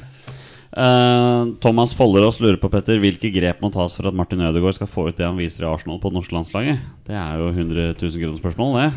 Ja, det er jo litt som vi har snakka om. Man har jo bedre kvalitet rundt seg i Arsenal enn hva han har på det norske landslaget. Så ærlig må vi jo være. Eh, Han har Braut, selvfølgelig, som det må kunne gå an å fòre bedre enn hva som har blitt gjort. Men nå, nå har jo for så vidt Ødegaard Det har jo vært snakka mye om det med Ødegaard, at han har fòra veldig bra på landslaget, men det er bare det at avslutningene har vært dårlige. Så han har jo, holdt på å si, expected assist eh, ganske høyt oppe. Eh, Så han han er egentlig ganske bra på landslaget, tror jeg, men det er bare det at de rundt uh, ikke klarer å omsette det som han faktisk klarer å skape. Spillematerialet Arsenal er bedre enn på Norge. Ja, rett og slett. Det er ja. jo egentlig så Ja. Så han ble jo matchvinner i går, eh, for øvrig, Ødegaard. Ja, på straffe. Straffe. Ja, Ja. og Fin straffe, da. ja, den har jeg ikke sett, men uh, jeg følger ikke med på Premier League. Vet du. Jeg bare ser at uh, det popper bare opp sånn varsel Ja. på sport, TV2 Sport. Uh, vi har også fått et spørsmål fra Mattis Moen. Du veit hva som kommer, så jeg sender det videre til Andreas som ikke har peil. Hva er best? Fish and chips eller kokte grillpølser? Jeg er veldig glad i pølser. Men Men er det ja eller nei? Eller en, en, Nei, men, bare kjør, for du kommer til å få tilleggsspørsmål her. nå, Ja, Fish and chips eller kokte grillpølser? Nei, men altså for det første, jeg er veldig glad i pølser. Ja. Og som Skeid-gutt så må du være ekstra glad i pølser. Strøm. Larsen-pølser? Ja, ja, ja. Eh, og det er jo Skoglund-pølser, vel, jeg vet ikke, som er i Vålerenga, men uh... Ja, det, Nå har jeg hørt at det har vært noen kalde pølser der, i hvert fall. Jo, eh, altså, ka, uh, varme pølser. Husker vi gikk på Bislett i gamle dager. Det var når jeg var på Bislett på Vålerenga-matcher på begynnelsen av 90-tallet, som var sånn å, etterlevning fra skøyteløpa. Med hvit frakk på han eh, duden som gikk og solgte pølser. Ja. Og så var det pølse i papir med sennep. Det var det eneste. Varme pølser! Men, så, men pølse, og det, som er, det er to ting med kokte pølser. For det første så skal man ikke koke pølser. Takk. Eh, det er det ene. de, skal, så er- de skal trekkes. De skal nei, nei, de skal ja. ikke det heller. Og så skal det være buljong fra, som er tre måneder gammel, liksom. Nei da. Eh, så det er det ene. Så det er wiener der skal trekkes eller varmes, da. Det er fair, men det er grillpølsene vi snakker om her. Ja, nei, nei, nei, nei, det skal jo ikke eh, Verken kokes eller oppi vann. Fint. Det var, Men fish and chips har jeg et veldig, veldig For at jeg, jeg har vært veldig mye i England og sett fotball. Eller i hvert fall etter eh, standarden min, da. Ja. Det er jo mange som har vært enormt mye mer enn meg, da. Men eh, da hadde jeg Jeg var mange år så var det sånn Jeg skal til England og skal spise fish and chips. Og så spiste jeg ikke fish and chips. Og så gikk det mange år, og så var det i 2009.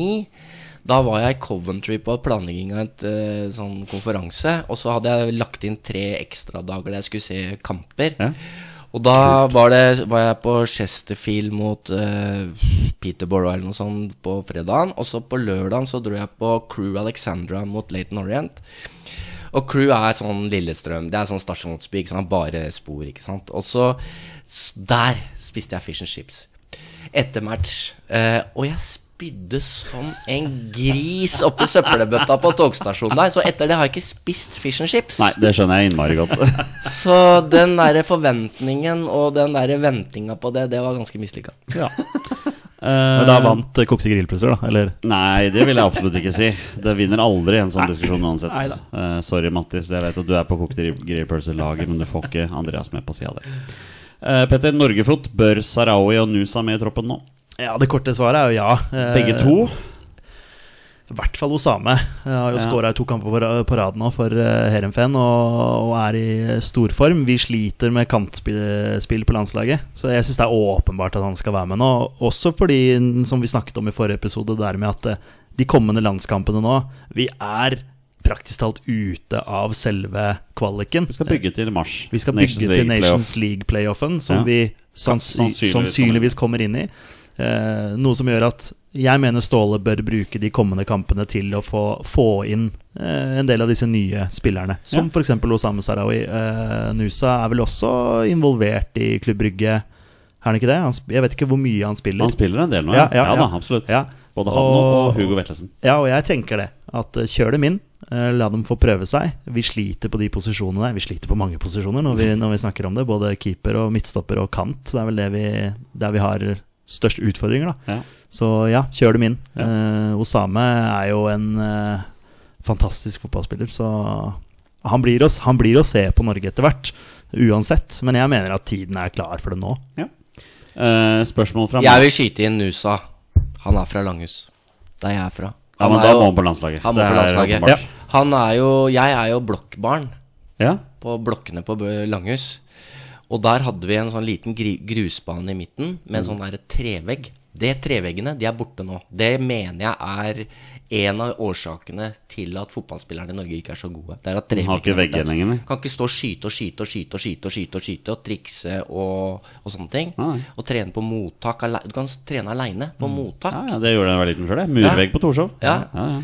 Eh, Men der er det da eh, besteforeldrene til Nusa var naboene mine. Ah, Og da han har stått og skytt på den samme treveggen som jeg skøyt på. Jeg ble aldri noe god.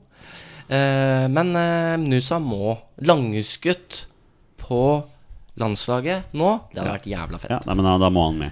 Da må han med. Eh, Jeg tenkte du skal få det neste spørsmålet her, eh, Andreas, i tross for at jeg er redd for hvor mye du kommer til å snakke om det. Eh, Det er da Mathias Nordmann lite reflektert eller grådig?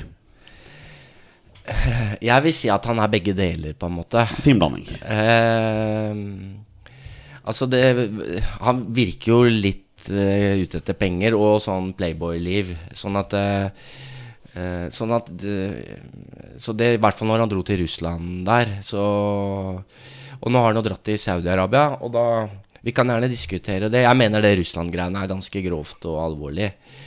Eh, og det er lettere å kritisere for det enn Saudi-Arabia, egentlig. Fordi da var hele verden var massivt, eller i hvert fall Europa, massivt mot Russland, Russland. mm. Eh, kastes ut av VM-kvalik, alt mulig. Eh, og at det er på en måte en felles front mot det. Og så er det jo ikke bra at han drar til Saudi-Arabia. Men det er pga. Og så er det, det ja, måten han har svart på, viser jo at han på en måte gir faen.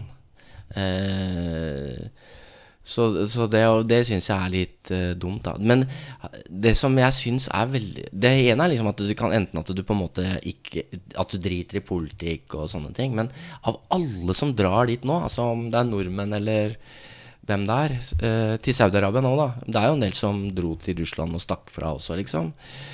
Eh, så er det sånn at det, en del Vi var inne på sportsvasking.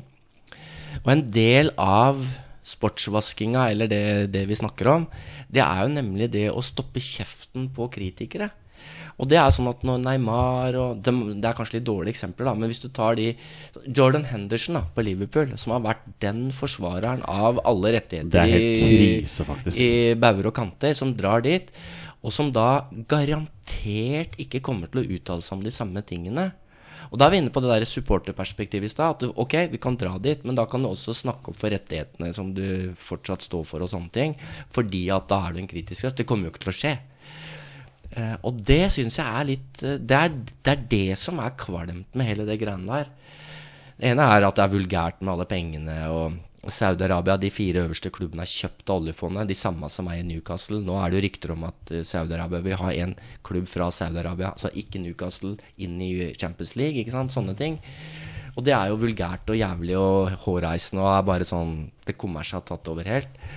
Men det der at eh, hvis du er en yrkes... Altså du, fotballen, du er yrket ditt, og du har meninger om ting, og så drar du til en klubb, og så blir du knebla. Det har jeg litt vanskeligheter med. Eller store vanskeligheter med.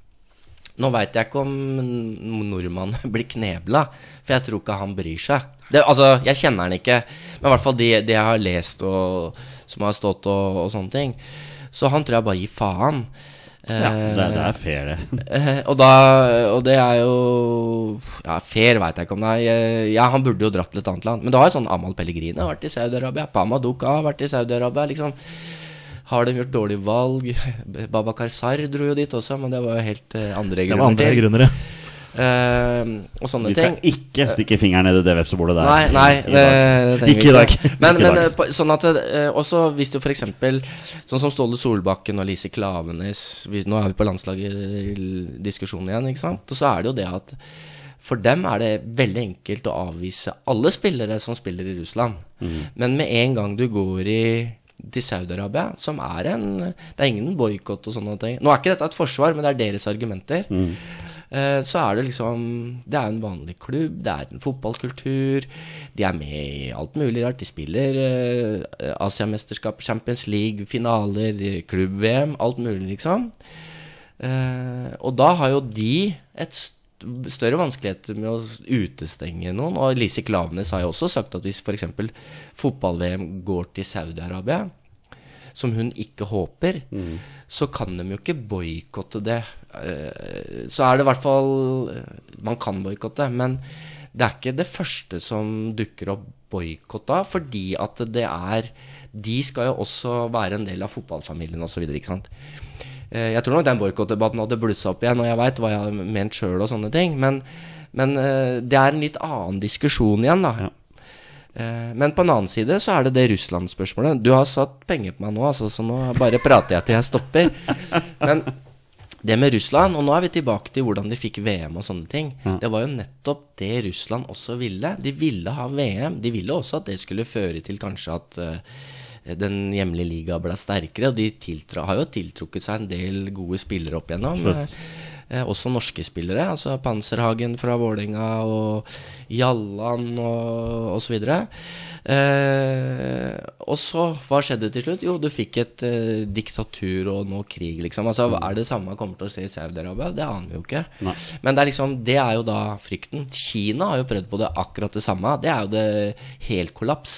Veldig mye pga. korona, fordi de stengte jo alt og Men der er det jo, har de jo Der tror de at all fotballen kan styres fra kommunistpartiet, ikke sant? Og det er jo helt merkelig. Der anbefaler jeg en veldig god bok som heter Bamboo Goalpost, tror jeg, som handler om kinesisk fotball. Ja. Det er en av begrensningene på begynnelsen av 90-tallet var at kommunistpartiet var så redd for demonstrasjoner at de ikke tillot mer enn at ti personer møttes samtidig. Og det, det betydde at du ikke kunne stille elleve på et fotballag, blant annet. Altså sånne ting. Eh, som gjør at det liksom, da er det litt vanskelig å drive fotball, da. Ja, nå er det ikke sånn nå, men det sier litt grann om at de der totalitære, autoritære statene De har en sånn formering om at de kan bruke fotball til noe og få det til å skinne og kjøpe masse spillere, og så er det ikke sikkert at det blir sånn, da. Så for å oppsummere, Mathias Nordmann er lite gjennomtenkt og grådig.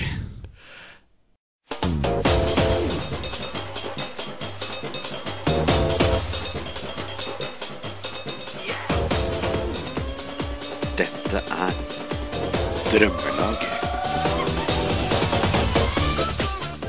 Det er på tide å børste støv av en eh, gammel klassiker her i vår. Det er Drømmelaget, Petter. Eh, hvor gjestene våre kommer med sitt drømmelag. Vi har spurt Andreas Seljås om han kunne sette på drømmelag for oss.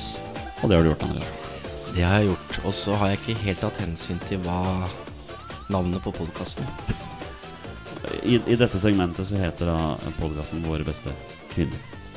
Ja, men eh, vi hadde jo eh, Gitares, en av våre følgere på Twitter, eh, som etterlyste mer snakk om kvinnefotball. Så Ja. da kjør. Ja, Nei, altså, jeg har da satt opp eh, et eh, Nå har ikke jeg Altså, jeg har vært fotballtrener, og da hadde jeg et bevisst forhold til eh, hvem som skulle spille i forsvar og angrep på midtbane og i mål og sånne ting, men nå, nå har jeg ikke tenkt på på sammensetninga på den måten, så det kan hende at det blir veldig for Eh, Hva slags formasjon Det er 4-3-3 er det okay. jeg kjører alltid på. Den er hellig. Eh, Og det er eh, med ett anker, eller altså Og så er det da veldig fort ut på kantene og taper ballen.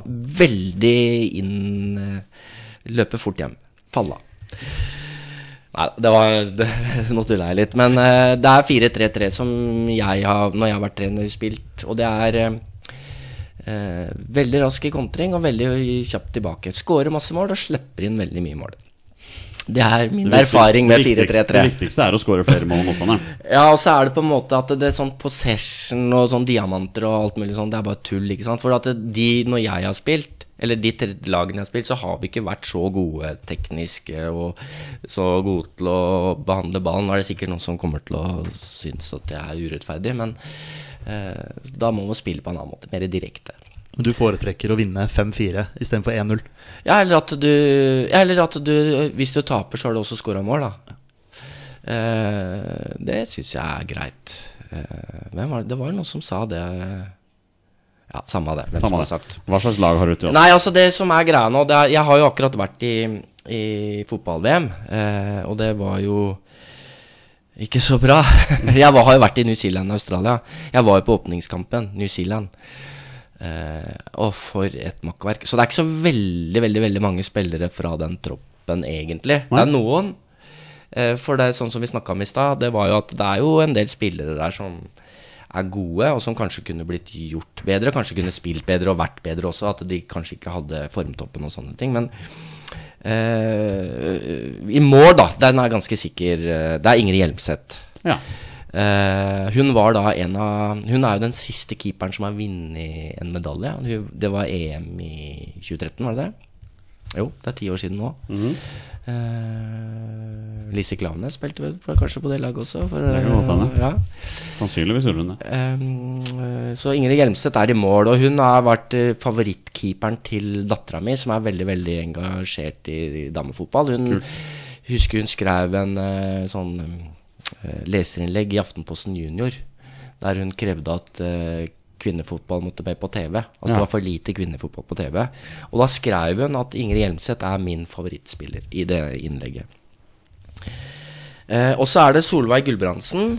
Eh, hun må med. Eh, Vålerenga og Kolbotn eh, særlig.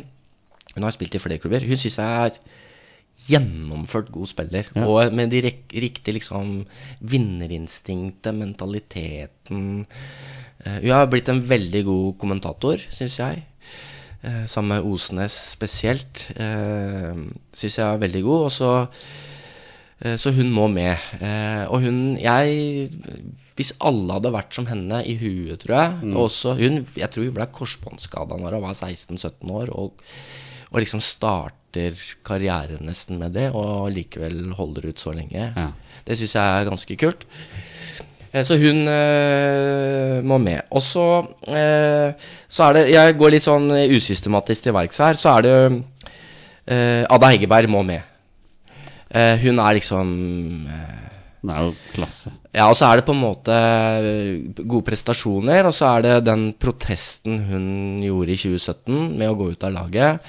Kontroversielt. Jeg tror den var veldig riktig og viktig. Eh, for det hun har kritisert, det har det blitt gjort en del med. Eh, nå tror jeg kanskje det kan være litt diskusjon om hva som skjer i landslagsledelse, om det er riktig trener og sånne ting. Men det at de har fått mer ressurser, at de har fått eh, altså trening, altså landslagssamlingene Altså de blir prioritert på den måten, det tror jeg har endra seg veldig, veldig mye. Og det tror jeg er veldig takket være henne. Mye takket være henne. Ja. Og så er hun jævla god, og så er hun veldig hyggelig. Jeg kjenner henne litt. Grann. Uh, og så da kan vi jo ta med Lise Klaveness oppi dette her også, da. Som på en måte gjorde det samme som Ada Heigerberg, men litt før. Som ikke ville spille på landslaget, og var god. Uh, Uh, og som da også på en måte tatt med seg det engasjementet hun hadde der, inn i ledelsen som president. Eh, og på en måte Hun blir stilt litt til veggs, vegg. Hun må jo levere litt nå, for de tingene som hun har protestert mot da, eh, og som hun har på en måte støtta Ade Hegerberg i, og fått henne tilbake, kanskje Jeg tror hun spilte en ganske stor rolle. Så må hun levere varene på en måte som ikke-fotballspiller, men har ansvaret for det laget. Eh, og så er det jo Altså, jeg, jeg var jo i fotball-VM, som sagt, og finalen gikk jo i Sydney. Og Norge vant jo OL-gull i 2000 i Sydney. Verdens beste damer. Verdens beste damer. Var det ikke det den sangen Var det da den sangen kom? Nei, det var før det. Det var før det, ja. Det var Ok. vel de Det var i 95. Ja, det var i VM 95, ja. Og da har jeg tatt med Dagny Melgren. Jeg skrev, Å, skrev Dagny. Melgren. Dagny Melgren som scora 3-2-målet. Stemmer. Er det det siste vi har vunnet Altså, vi har kanskje vunnet EM Nei, det er, Nei, det er det siste. det er det vi har vunnet. Ja, vunnet. Ja. Så hun måtte med. Og det var i, det var i Sydney, der jeg var. Jeg var jo så 16-delsfinalen Australia mot uh, Danmark. Uh, jeg så fire VM-kamper når vi var der borte. Eh, tre i New Zealand og én i Australia og i Sydney. Så jeg måtte ha med en i Sydney. Da var det, da var det gøy å være nordmann i Sydney, tror jeg. Jeg var ikke der da, men eh, Dagny Melgren må med. En fantastisk skåring. Totalt uttagbart for keeper. Flumpeskudd, er det ikke det Ja, vi pleier å kalle det? det- Keeperen ikke- var på, så gikk det inn. Ja, Men altså, det driter jeg i hva slags mål det var. Mål er mål. Ja, og så, og så er vi da Så er det jo da eh, Nå er, må jeg, jeg har en liste her jeg har skrevet ned. Tuva Hansen mener jeg Hun er eh, Altså, når Sjøgren holdt på, så var det Beck som var liksom det store problemet. Og hun er jo jævla god. Og hun har et vinnerhue som er Hun hater å tape hver duell på trening. Altså, hun har en sånn vinnermentalitet som kanskje er litt plagsom noen ganger, fordi Uh, som hun spiller mot, i hvert fall, og kanskje med også, når de taper. Men eh, det er en sånn derre Jeg tror at hvis eh, eh, den mentaliteten Jeg er litt ute etter mentaliteten her, at du har lyst til å vinne. Når det var i VM nå, så var det liksom Det så ikke ut som det var VM. Eh, og så Elise Thorsnes vil jeg ha med. Eh, Still going strong. Still going strong. Hun, eh, hun er vel sånn mestskårende i absolutt alt mulig rart i toppserien, tror jeg. Er hun ikke det? Det var bedre å bli det, i hvert Eh, fall. Spilt i Vålerenga. Det er ikke dårlig, bare det. Eh, Thea Bjelde spiller i Vålerenga nå. Var kanskje jeg, Det er litt vanskelig å si. Men jeg syns at hun var kanskje den som sto best fram i fotball-VM nå. Ja. Eh, var knalltøff. Hun ble skada. Eh, en kom- kom tilbake, spilte. Og det er også den mentaliteten. Og så er det, topp, det er sånn liksom litt skryt i toppserien, kanskje litt skryt i Vålerenga også, som Keeperen også til Norge var jo ganske god. Rosenborg-keeperen var jo med. Eh, at liksom Kanskje kan se litt mer til toppserien. Og da kommer jeg inn på Olaug Tvetten. Ja, Hun burde ha vært med. Altså men hun er på ditt drømmelag. Ja, i hvert fall sånn drømmelag. Altså, vi må se litt framover her også. Jeg Ja, ja. tror at Altså, jeg så det i VM nå. Hva faen var det, liksom? Hva som skjedde? Hun Syrsteingen, altså, hallo. Hun fikk mye pepper, og kanskje litt urettferdig også, men når du har liksom en feilpasningsprosent eller bare én touch, eh, og det når ikke fram Og jeg veit ikke hvor mange prosent det var, men det var ganske mye. Og så mente de at det var fordi vi ikke hadde to ankere og bare var Altså, det, det, jeg får det ikke til å henge sammen. Ja, Ja. Tvetten, om hun hadde gjort det bedre, veit jeg ikke, men hun syns jeg er kul spiller, da. Litt utypisk eh, på mange områder, eh, men hun syns jeg er kul. Eh, Guro Reiten, eh, fantastisk spiller. Jeg eh, var og så henne i Chelsea eh, i fjor høst. Faren min holder med Leighton Orient, så da var vi først på Leighton Orient mot eh, Salford. Og dagen etterpå var vi på Chelsea mot Aston Villa. Å se henne sammen med Sam Kerr, det var jæskla morsomt. Sam Kerr er kanskje Nå, hun var skada, og det var masse tull. Hun skåra vel kanskje et av de fineste måla i VM nå. Ja, det var helt nydelig. Ja. Det var så gøy. Eh, og når hun er på sitt beste, så er hun kanskje verdens beste fotballspiller akkurat nå. Eh, og jeg tror I hvert fall nå er hun mest populære idrettsutøveren i Australia.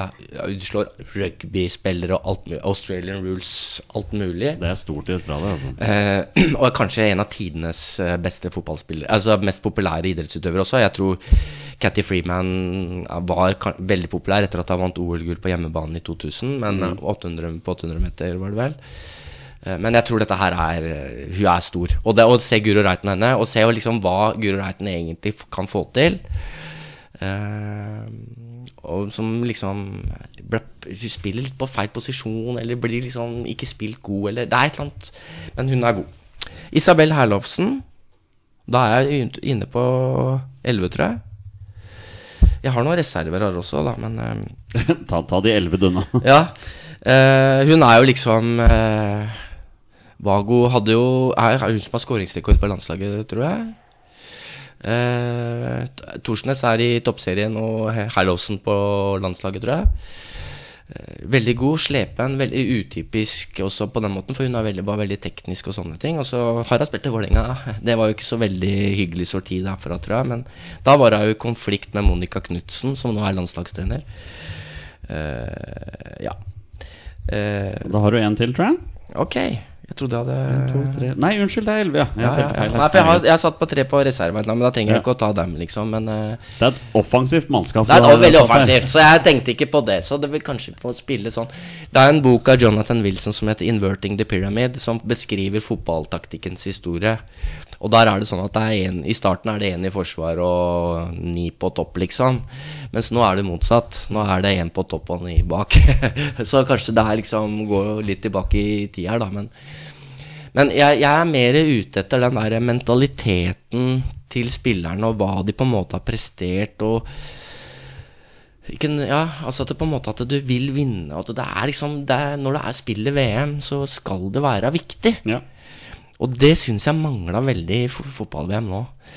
Eh, på herrelandslaget så er det litt sånn eh, Der kan det hende at det er eh, At det ser ut som de vil mer enn de får til, kanskje. Ja. Eh, men det der eh, Ja, nei, jeg veit ikke. Angrep er det beste forsvar. Åpenbart på det laget der, i hvert fall. Ja, og som man sier, som en supporter så elsker man jo å se sånne spillere med den, den litt vilje og tæl eh, som trøkker til litt. Så det er det vi, det er det vi elsker å se.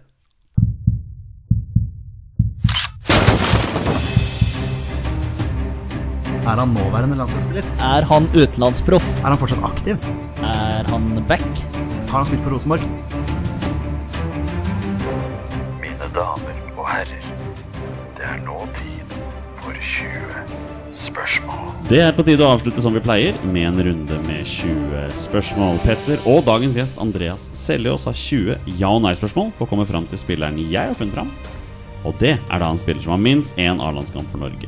Bonusregelen her i Våre beste menn er at når vi gjetter navnet på en spiller, det er spillet over, og de har vunnet eller tatt Petter. As always, med gjest til stede, ingen tvist. Her er alle spørsmål åpne. Kjør på, gutter. Vær så god. Takk. Uh, ja, har du et åpningsspørsmål, Andreas, som du sitter og tenker på? Noe som du uh... Uh, har spilleren spilt utenfor Norge? Ja. Det er bra, det er bra spørsmål. Og så er det jo interessant å, å, å høre om vedkommende er aktiv, altså fortsatt spiller ball. Eh, men det er jo ikke Skal vi se hva Jonny har tenkt i dag. Hmm, er han fortsatt aktiv? Nei. Ok, En ikke-aktiv spiller. Han har spilt i utlandet, da.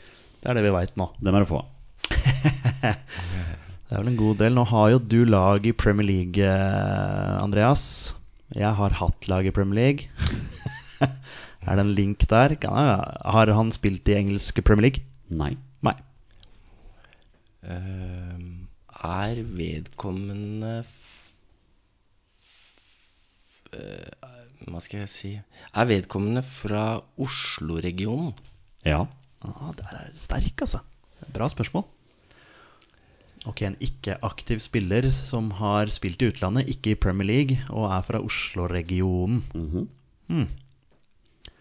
Så det er spørsmålet hva er Oslo-region? Jo, men det er Østland som Ja, jeg- jeg skjønner det, men, eh, Men hvor langt ut? Nei, Ja, det er, så- Hvor langt strekker man det? Nei da, men uh, noe posisjon, eller? Altså Bare sånn for å prøve å komme oss inn på det, eller skal vi komme oss inn på den klubben? Ja, ja nei, Ja, hvis jeg kan. bare Et sånt spørsmål Er vedkommende aktiv i fotballen i dag, f.eks. som trener eller leder i fotballen? Ja. Har du spilt det før, eller? Hæ? Sitter før her og bare er litt nervøs, litt spent på det her. Det er Bare rulig og dette her. Starte med å stille gode spørsmål. Ja, veldig, Ja. veldig. Ok. Er aktiv den dag i dag i fotballen. Hva tenker du da? Skal vi til NFF, eller skal vi til Eliteserien, liksom? Altså er en eliteseriecoach? Hvilke coacher har vi i Eliteserien som Ja, Vi kan jo spørre om det er i Norge, f.eks. Er han aktiv i Norge? Nei. Nei. Der kan du se. Ok, Så det er en som er trener, leder av noe slag utenfor Norge nå. Hvem er det vi har, da? Henning Berg, skal vi se, han har spilt i Premier League. Han har mer, ja. ja, det er mer enn én landskamp òg. Ja, det var ikke bare én. Ja, ja, nei, nei skal, Nei, skal ha spilt, minst en. skal ha spilt for Norge. Minst én, så det kan være én. Ja, ja. Ja. Altså, Det har dere ikke spurt om. Men det er jo interessant det her, for du, du har jo stilt noen gode spørsmål som gjør at vi eh, Det er en som er aktiv i fotballen den dag i dag, utenfor Norge. utenfor Norge. Da har vi jo eh, Og som da ikke har spilt i Premier League, Magne Hoseth er jo trener i. Klaksvik eh, nå. Han er jo høyaktuell. Men er det ikke Hestad også er der? Jo, men jeg tror det er Magne Hoseth som er hovedtrener. Alright. Og så er Berg Hestad vel assistent. Men uh, dem er ikke fra Oslo-området. Det er, der ser du, der ser du! Ja, der er du sterk igjen, altså. Eh, så da er du mer Men- på sånn ja, du Og Trond Solli, jeg veit ikke om han er aktiv lenger. Eh, Oslo-regionen. Henning Berg er vel i Sverige nå. Eh, altså, da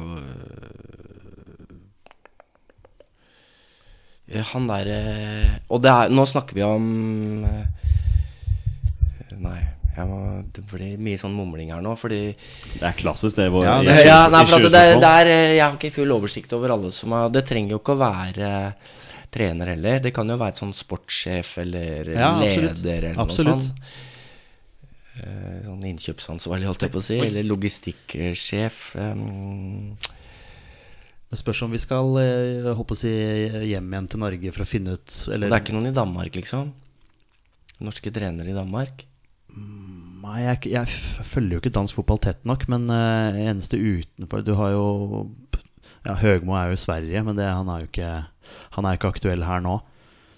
Ehm, og så er det Oslo-region i tillegg.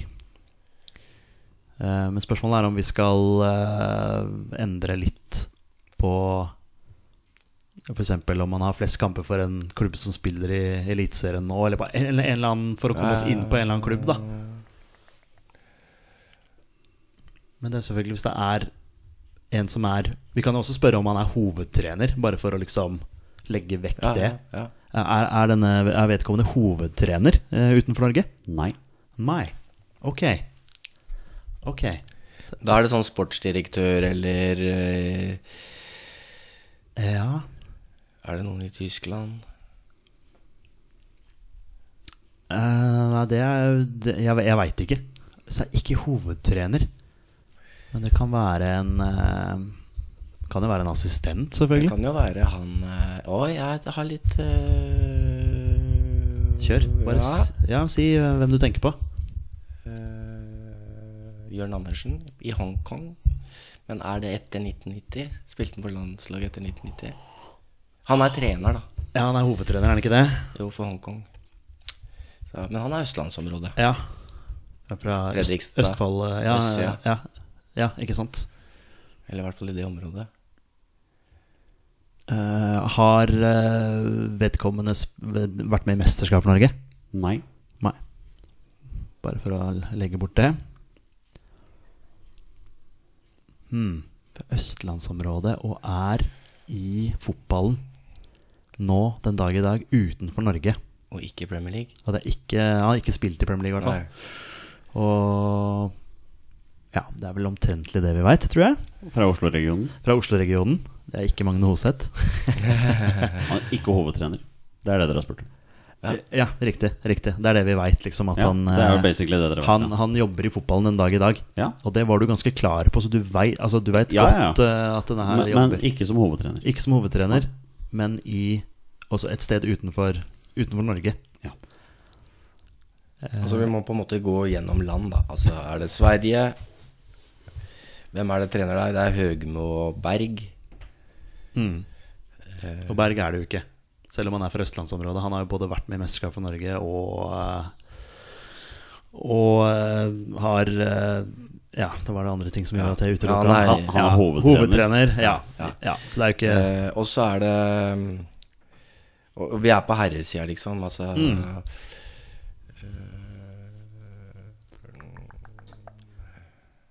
Men om vi, skal, om vi skal gå en annen vei Altså, Kan det være for at f.eks. er assistent eller på et landslag eller noe sånt? Altså Hvem kunne det vært? Har for dårlig oversikt der, altså. fin, Er ikke Finland? Er det ikke Sverige? Er det i Danmark? Nei. Er det i championship? Er det noen norske ledere der, liksom? Det går an å spørre om.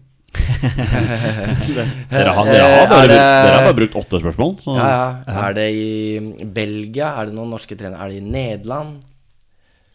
Nei, for du har jo Ronny Deila er jo hovedtrener, i hvert fall. I, uh, har han med seg en assistent da som, som er norsk? det kunne hende. Han har akkurat bytta klubb, har han ikke det? Han er i Belgia. Ja, i Klubb Brygge. Ja. Det eh, ja, for han var vel i Hvor var han var? han? Standard? Standard Liège. Ja, standard. Mm. Nei, jeg, jeg, jeg har mest lyst til å gå Altså å endre taktikk. Ja. Altså gå vekk fra der han er nå, og bare håper å si, prøve å hente han fram fra der han var. Ja. Altså, og også prøve en posisjon han hadde på banen, bare for å prøve å få hjernen til å spinne litt her. Uh, har han flest kamper for en nåværende eliteserieklubb? Um, nei. Oi. Um, nei, ok, det var litt sånn Nei, altså, Altså flest i den forstand av at det er der han har spilt Ja. Ikke at han hadde all time eh, kamper for en klubb, Altså, men altså- at det er der han hadde spilt mest. Svaret på spørsmålet ditt er enkelt. Nei, han har ikke flest kamper for en nåværende eliteserieklubb. Nei, han har ikke det. Men han, han, han kan fortsatt ta flest kamper for en klubb i Norge, da.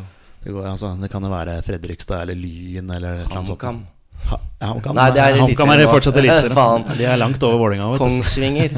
Kongsvinger, ja. Som eh, Ok, det, det hjalp faktisk ingenting. Ok, flest kamper Har han flest kamper for en klubb i Norge? Nei. Ok, vi er fortsatt i utlandet. Det er ti. Så er det en da er vi En som har gjort det bra i utlandet, da. Det med at han spilt flest kamper der. Ikke aktiv, men er aktiv den dag i dag i fotballen. Ikke som hovedtrener. Ikke som hovedtrener. Så er det Hellas, er det Kypros Ja, men Hvem er det vi har? Skal vi gå på en posisjon, da? Bare høre hvor han spilte den på banen. eh, og kanskje vi kom, kommer på et eller annet navn? Ja, hvordan skal vi dele opp banen da? Å, men dette er Petter god på. Ja, da. Hør nå. Ja. snakker vi her om en eh, defensivt anlagt spiller? Altså en uh, forsvar eller keeper? Ja. Vi er på forsvar eller keeper. Uh, Erland Johnsen, han Var han med i Mesterskap for Norge? Ja, han var vel sikkert det. Tore André Flo. Han er offensiv. Men han, han Ja, men bare sånn typen. Ja, ja, Han var jo ja, Chelsea, men han er tilbake i Norge nå. Han er hovedtrener i Norge. Men ja, han hadde en sånn akademirolle Ja. i Chelsea, Ja, ja. det er helt riktig. Hovedtrener i Sogndal. Hovedtrener i Sogndal. Sånn ja. Ok, så vi er på keeper Eller forsvar. eller forsvar. Og det er en eller annen som jobber i fotballen i dag i dag, som er fra Oslo-området. Altså Oslo-regionen. Som Når vi sa vi jobber i fotballen, sa vi jobber for et lag, eller kan han jobbe f.eks. i et eller annet forbund. Jeg har eh, et forslag nå. Ok. Å jobbe i fotballen eh, eh, Da vil jeg bare ha et kontrollspørsmål, for jeg nevner den jeg tror. Eller jeg har Kan du ikke bare nevne den? Joakim Maltin, Valtin. Han jobber jo i FIFPro. Han jobber jo i fotballen nå. Han er bare Ja. forsvarsspiller. Ja visst. Men han er trønder. Faktisk. Ja, ja, ja, ja, ja, ja. Jeg vil bare påpeke at spørsmålet ditt var jo om han jobber i fotballen. Ja. Det var ikke noe mer enn det. Nei, det var det. Han er er aktivt med fotball den Ja, i dag, og- det gjør han. Og det gjør han. Ja. Og da er det liksom Vi har kanskje knytta oss altfor mye opp til at han jobber i en klubb. Men det eneste dere vet, er at han ikke er hovedtrener. Ja, Dere har ikke spurt om noe annet. Nei, nei, Men nei. da kan jeg spørre om det. da Jobber han i en klubb? Ja. Ok, da er det ikke Joakim Ja, men. Nei, nei, det er bra. Eller den typen. eh, Veldig bra spørsmål. For da, men da vet vi Ok, men jeg er litt interessert i nå å bare vite hvilken posisjon han hadde på banen. Så, fordi nå vet ikke vi om det er keeper eller forsvar. Bare for å liksom For kanskje man kommer på noen navn. For hvis det er en keeper, så er det jo ikke så mange å velge mellom. Eh, fra 90 pluss, som er fra Oslo-området. Espen Bårdsen. Er han fra Han er jo oppri- opprinnelig fra America, er han ikke det? ja. eh, du har jo uh, Jon Knutsen er jo keeper Men han er sikkert i Lillestrøm fortsatt, Nei, han, han jobber jo på landslaget for damer. Ja, han er der. Ja, Ja, ja. ikke sant? Ikke sant? Han er keeper. Han er ikke en klubb i tillegg Nei.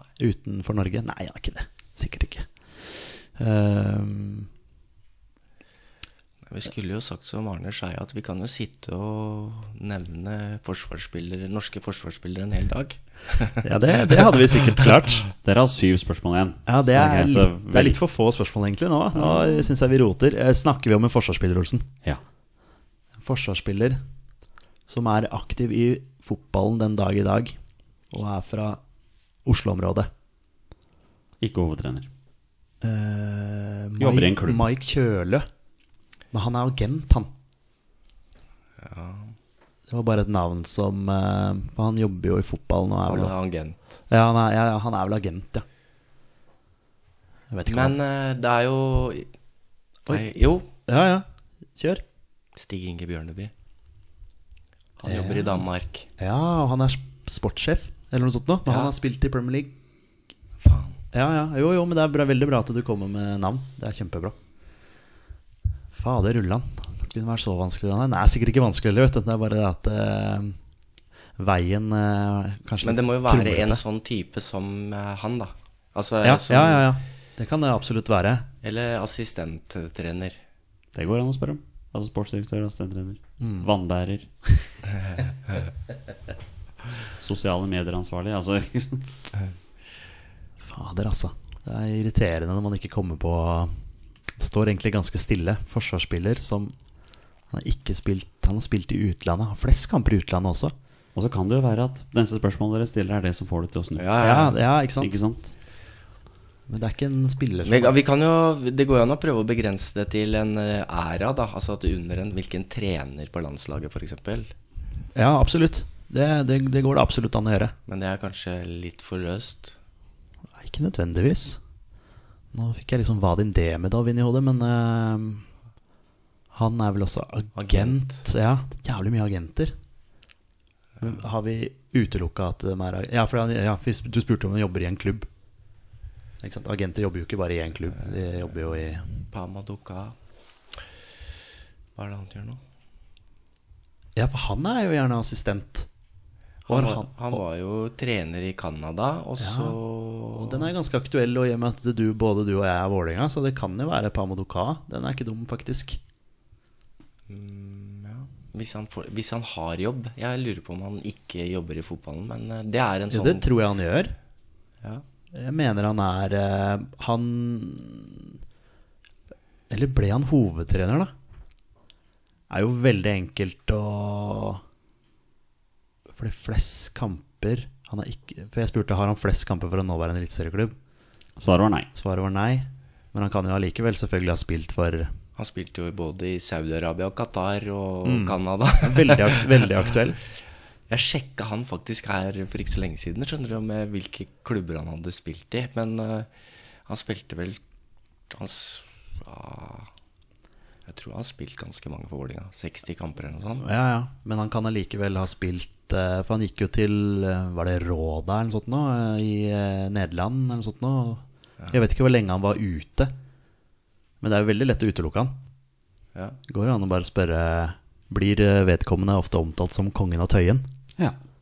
Fy faen! Der er du god, Seljås! Hæ? At ikke det navnet kom tidligere, faktisk. Ja, nei, den var vanskelig, syns jeg. Ja, men nei, men altså, du, du leverte solid der nå, altså. For da er han assistent fremdeles. I For jeg syns jeg så det nå, at han det, Han var jo Noen begynte å prate om han i Vålerenga. ja, ja, ja, og han ville jo ha jobben òg, Ja. skjønte jeg. Liksom at ja, ja, altså, Det var liksom en, en drøm. Dere har fem spørsmål igjen. Ja. Um, Jeg tror vi har det. altså Ja, ja, ja. Du kan jo stille Er det Pamodoka? gutter? Det er Pamo Duka. Ja. helt riktig. Men hvor mange land Han har ikke mange landskamper, han? Ja, ti landskamper. Ja, såpass, ja. Faktisk, for Norge. ja Flest som midtstopper. Man spilte jo også en del på midtbanen. Ja. Men da er jeg litt interessert i å vite hvilken klubb han hadde flest kamper for. Råda. Det var Råda. Råda, ja. Ikke sant? 189 kamper for Råda. 94 for Ja, for det huska ikke jeg.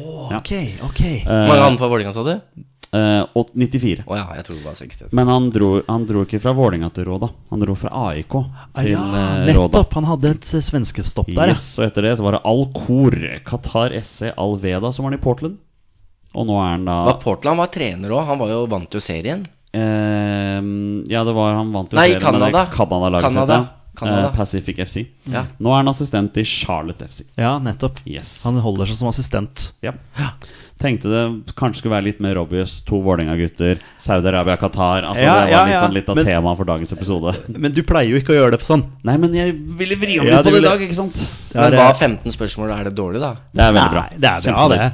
Alt, alt under 20 er bra. Og her sitter han og sier han ikke har konkurransestikk, men det var en ja da! Ja, ja, jeg var fornøyd med den, men det var veldig bra du kom på det. Du, Dette her hadde du teken på. Det er, ja, det var veldig bra. Ja, rigga. Og med det Og med det er Penger det, under bordet, si. er det på tide å avslutte dagens episode. Andreas, har du hatt det gøy i dag? Veldig. Ja. Syns, det, syns det var veldig gøy. Ja, men så bra. Å sitte med mikrofonen på bøker og prate om fotball, det er ikke noe som er bedre enn det. Til og med lagt i brettspill i dag, som vi også setter på her, for å få det litt høyere. Det her er, dette her er amatørpod, så du holder, Petter, men vi er glad i det. Det er gutta på gulvet, er det ikke det de sier? Det er, er Gutta på kjøkkenet, i hvert fall. ja, på kjøkken, Sånn det. kjøkkengulvet. Ja. Uh, tusen takk til alle dere som hører på. Dere er fantastiske mennesker. Vi er våre bestemenn. Heia Norge. Heia Norge. Heia bøler. Heia Bøler. Det er greit, det er greit. Og hei!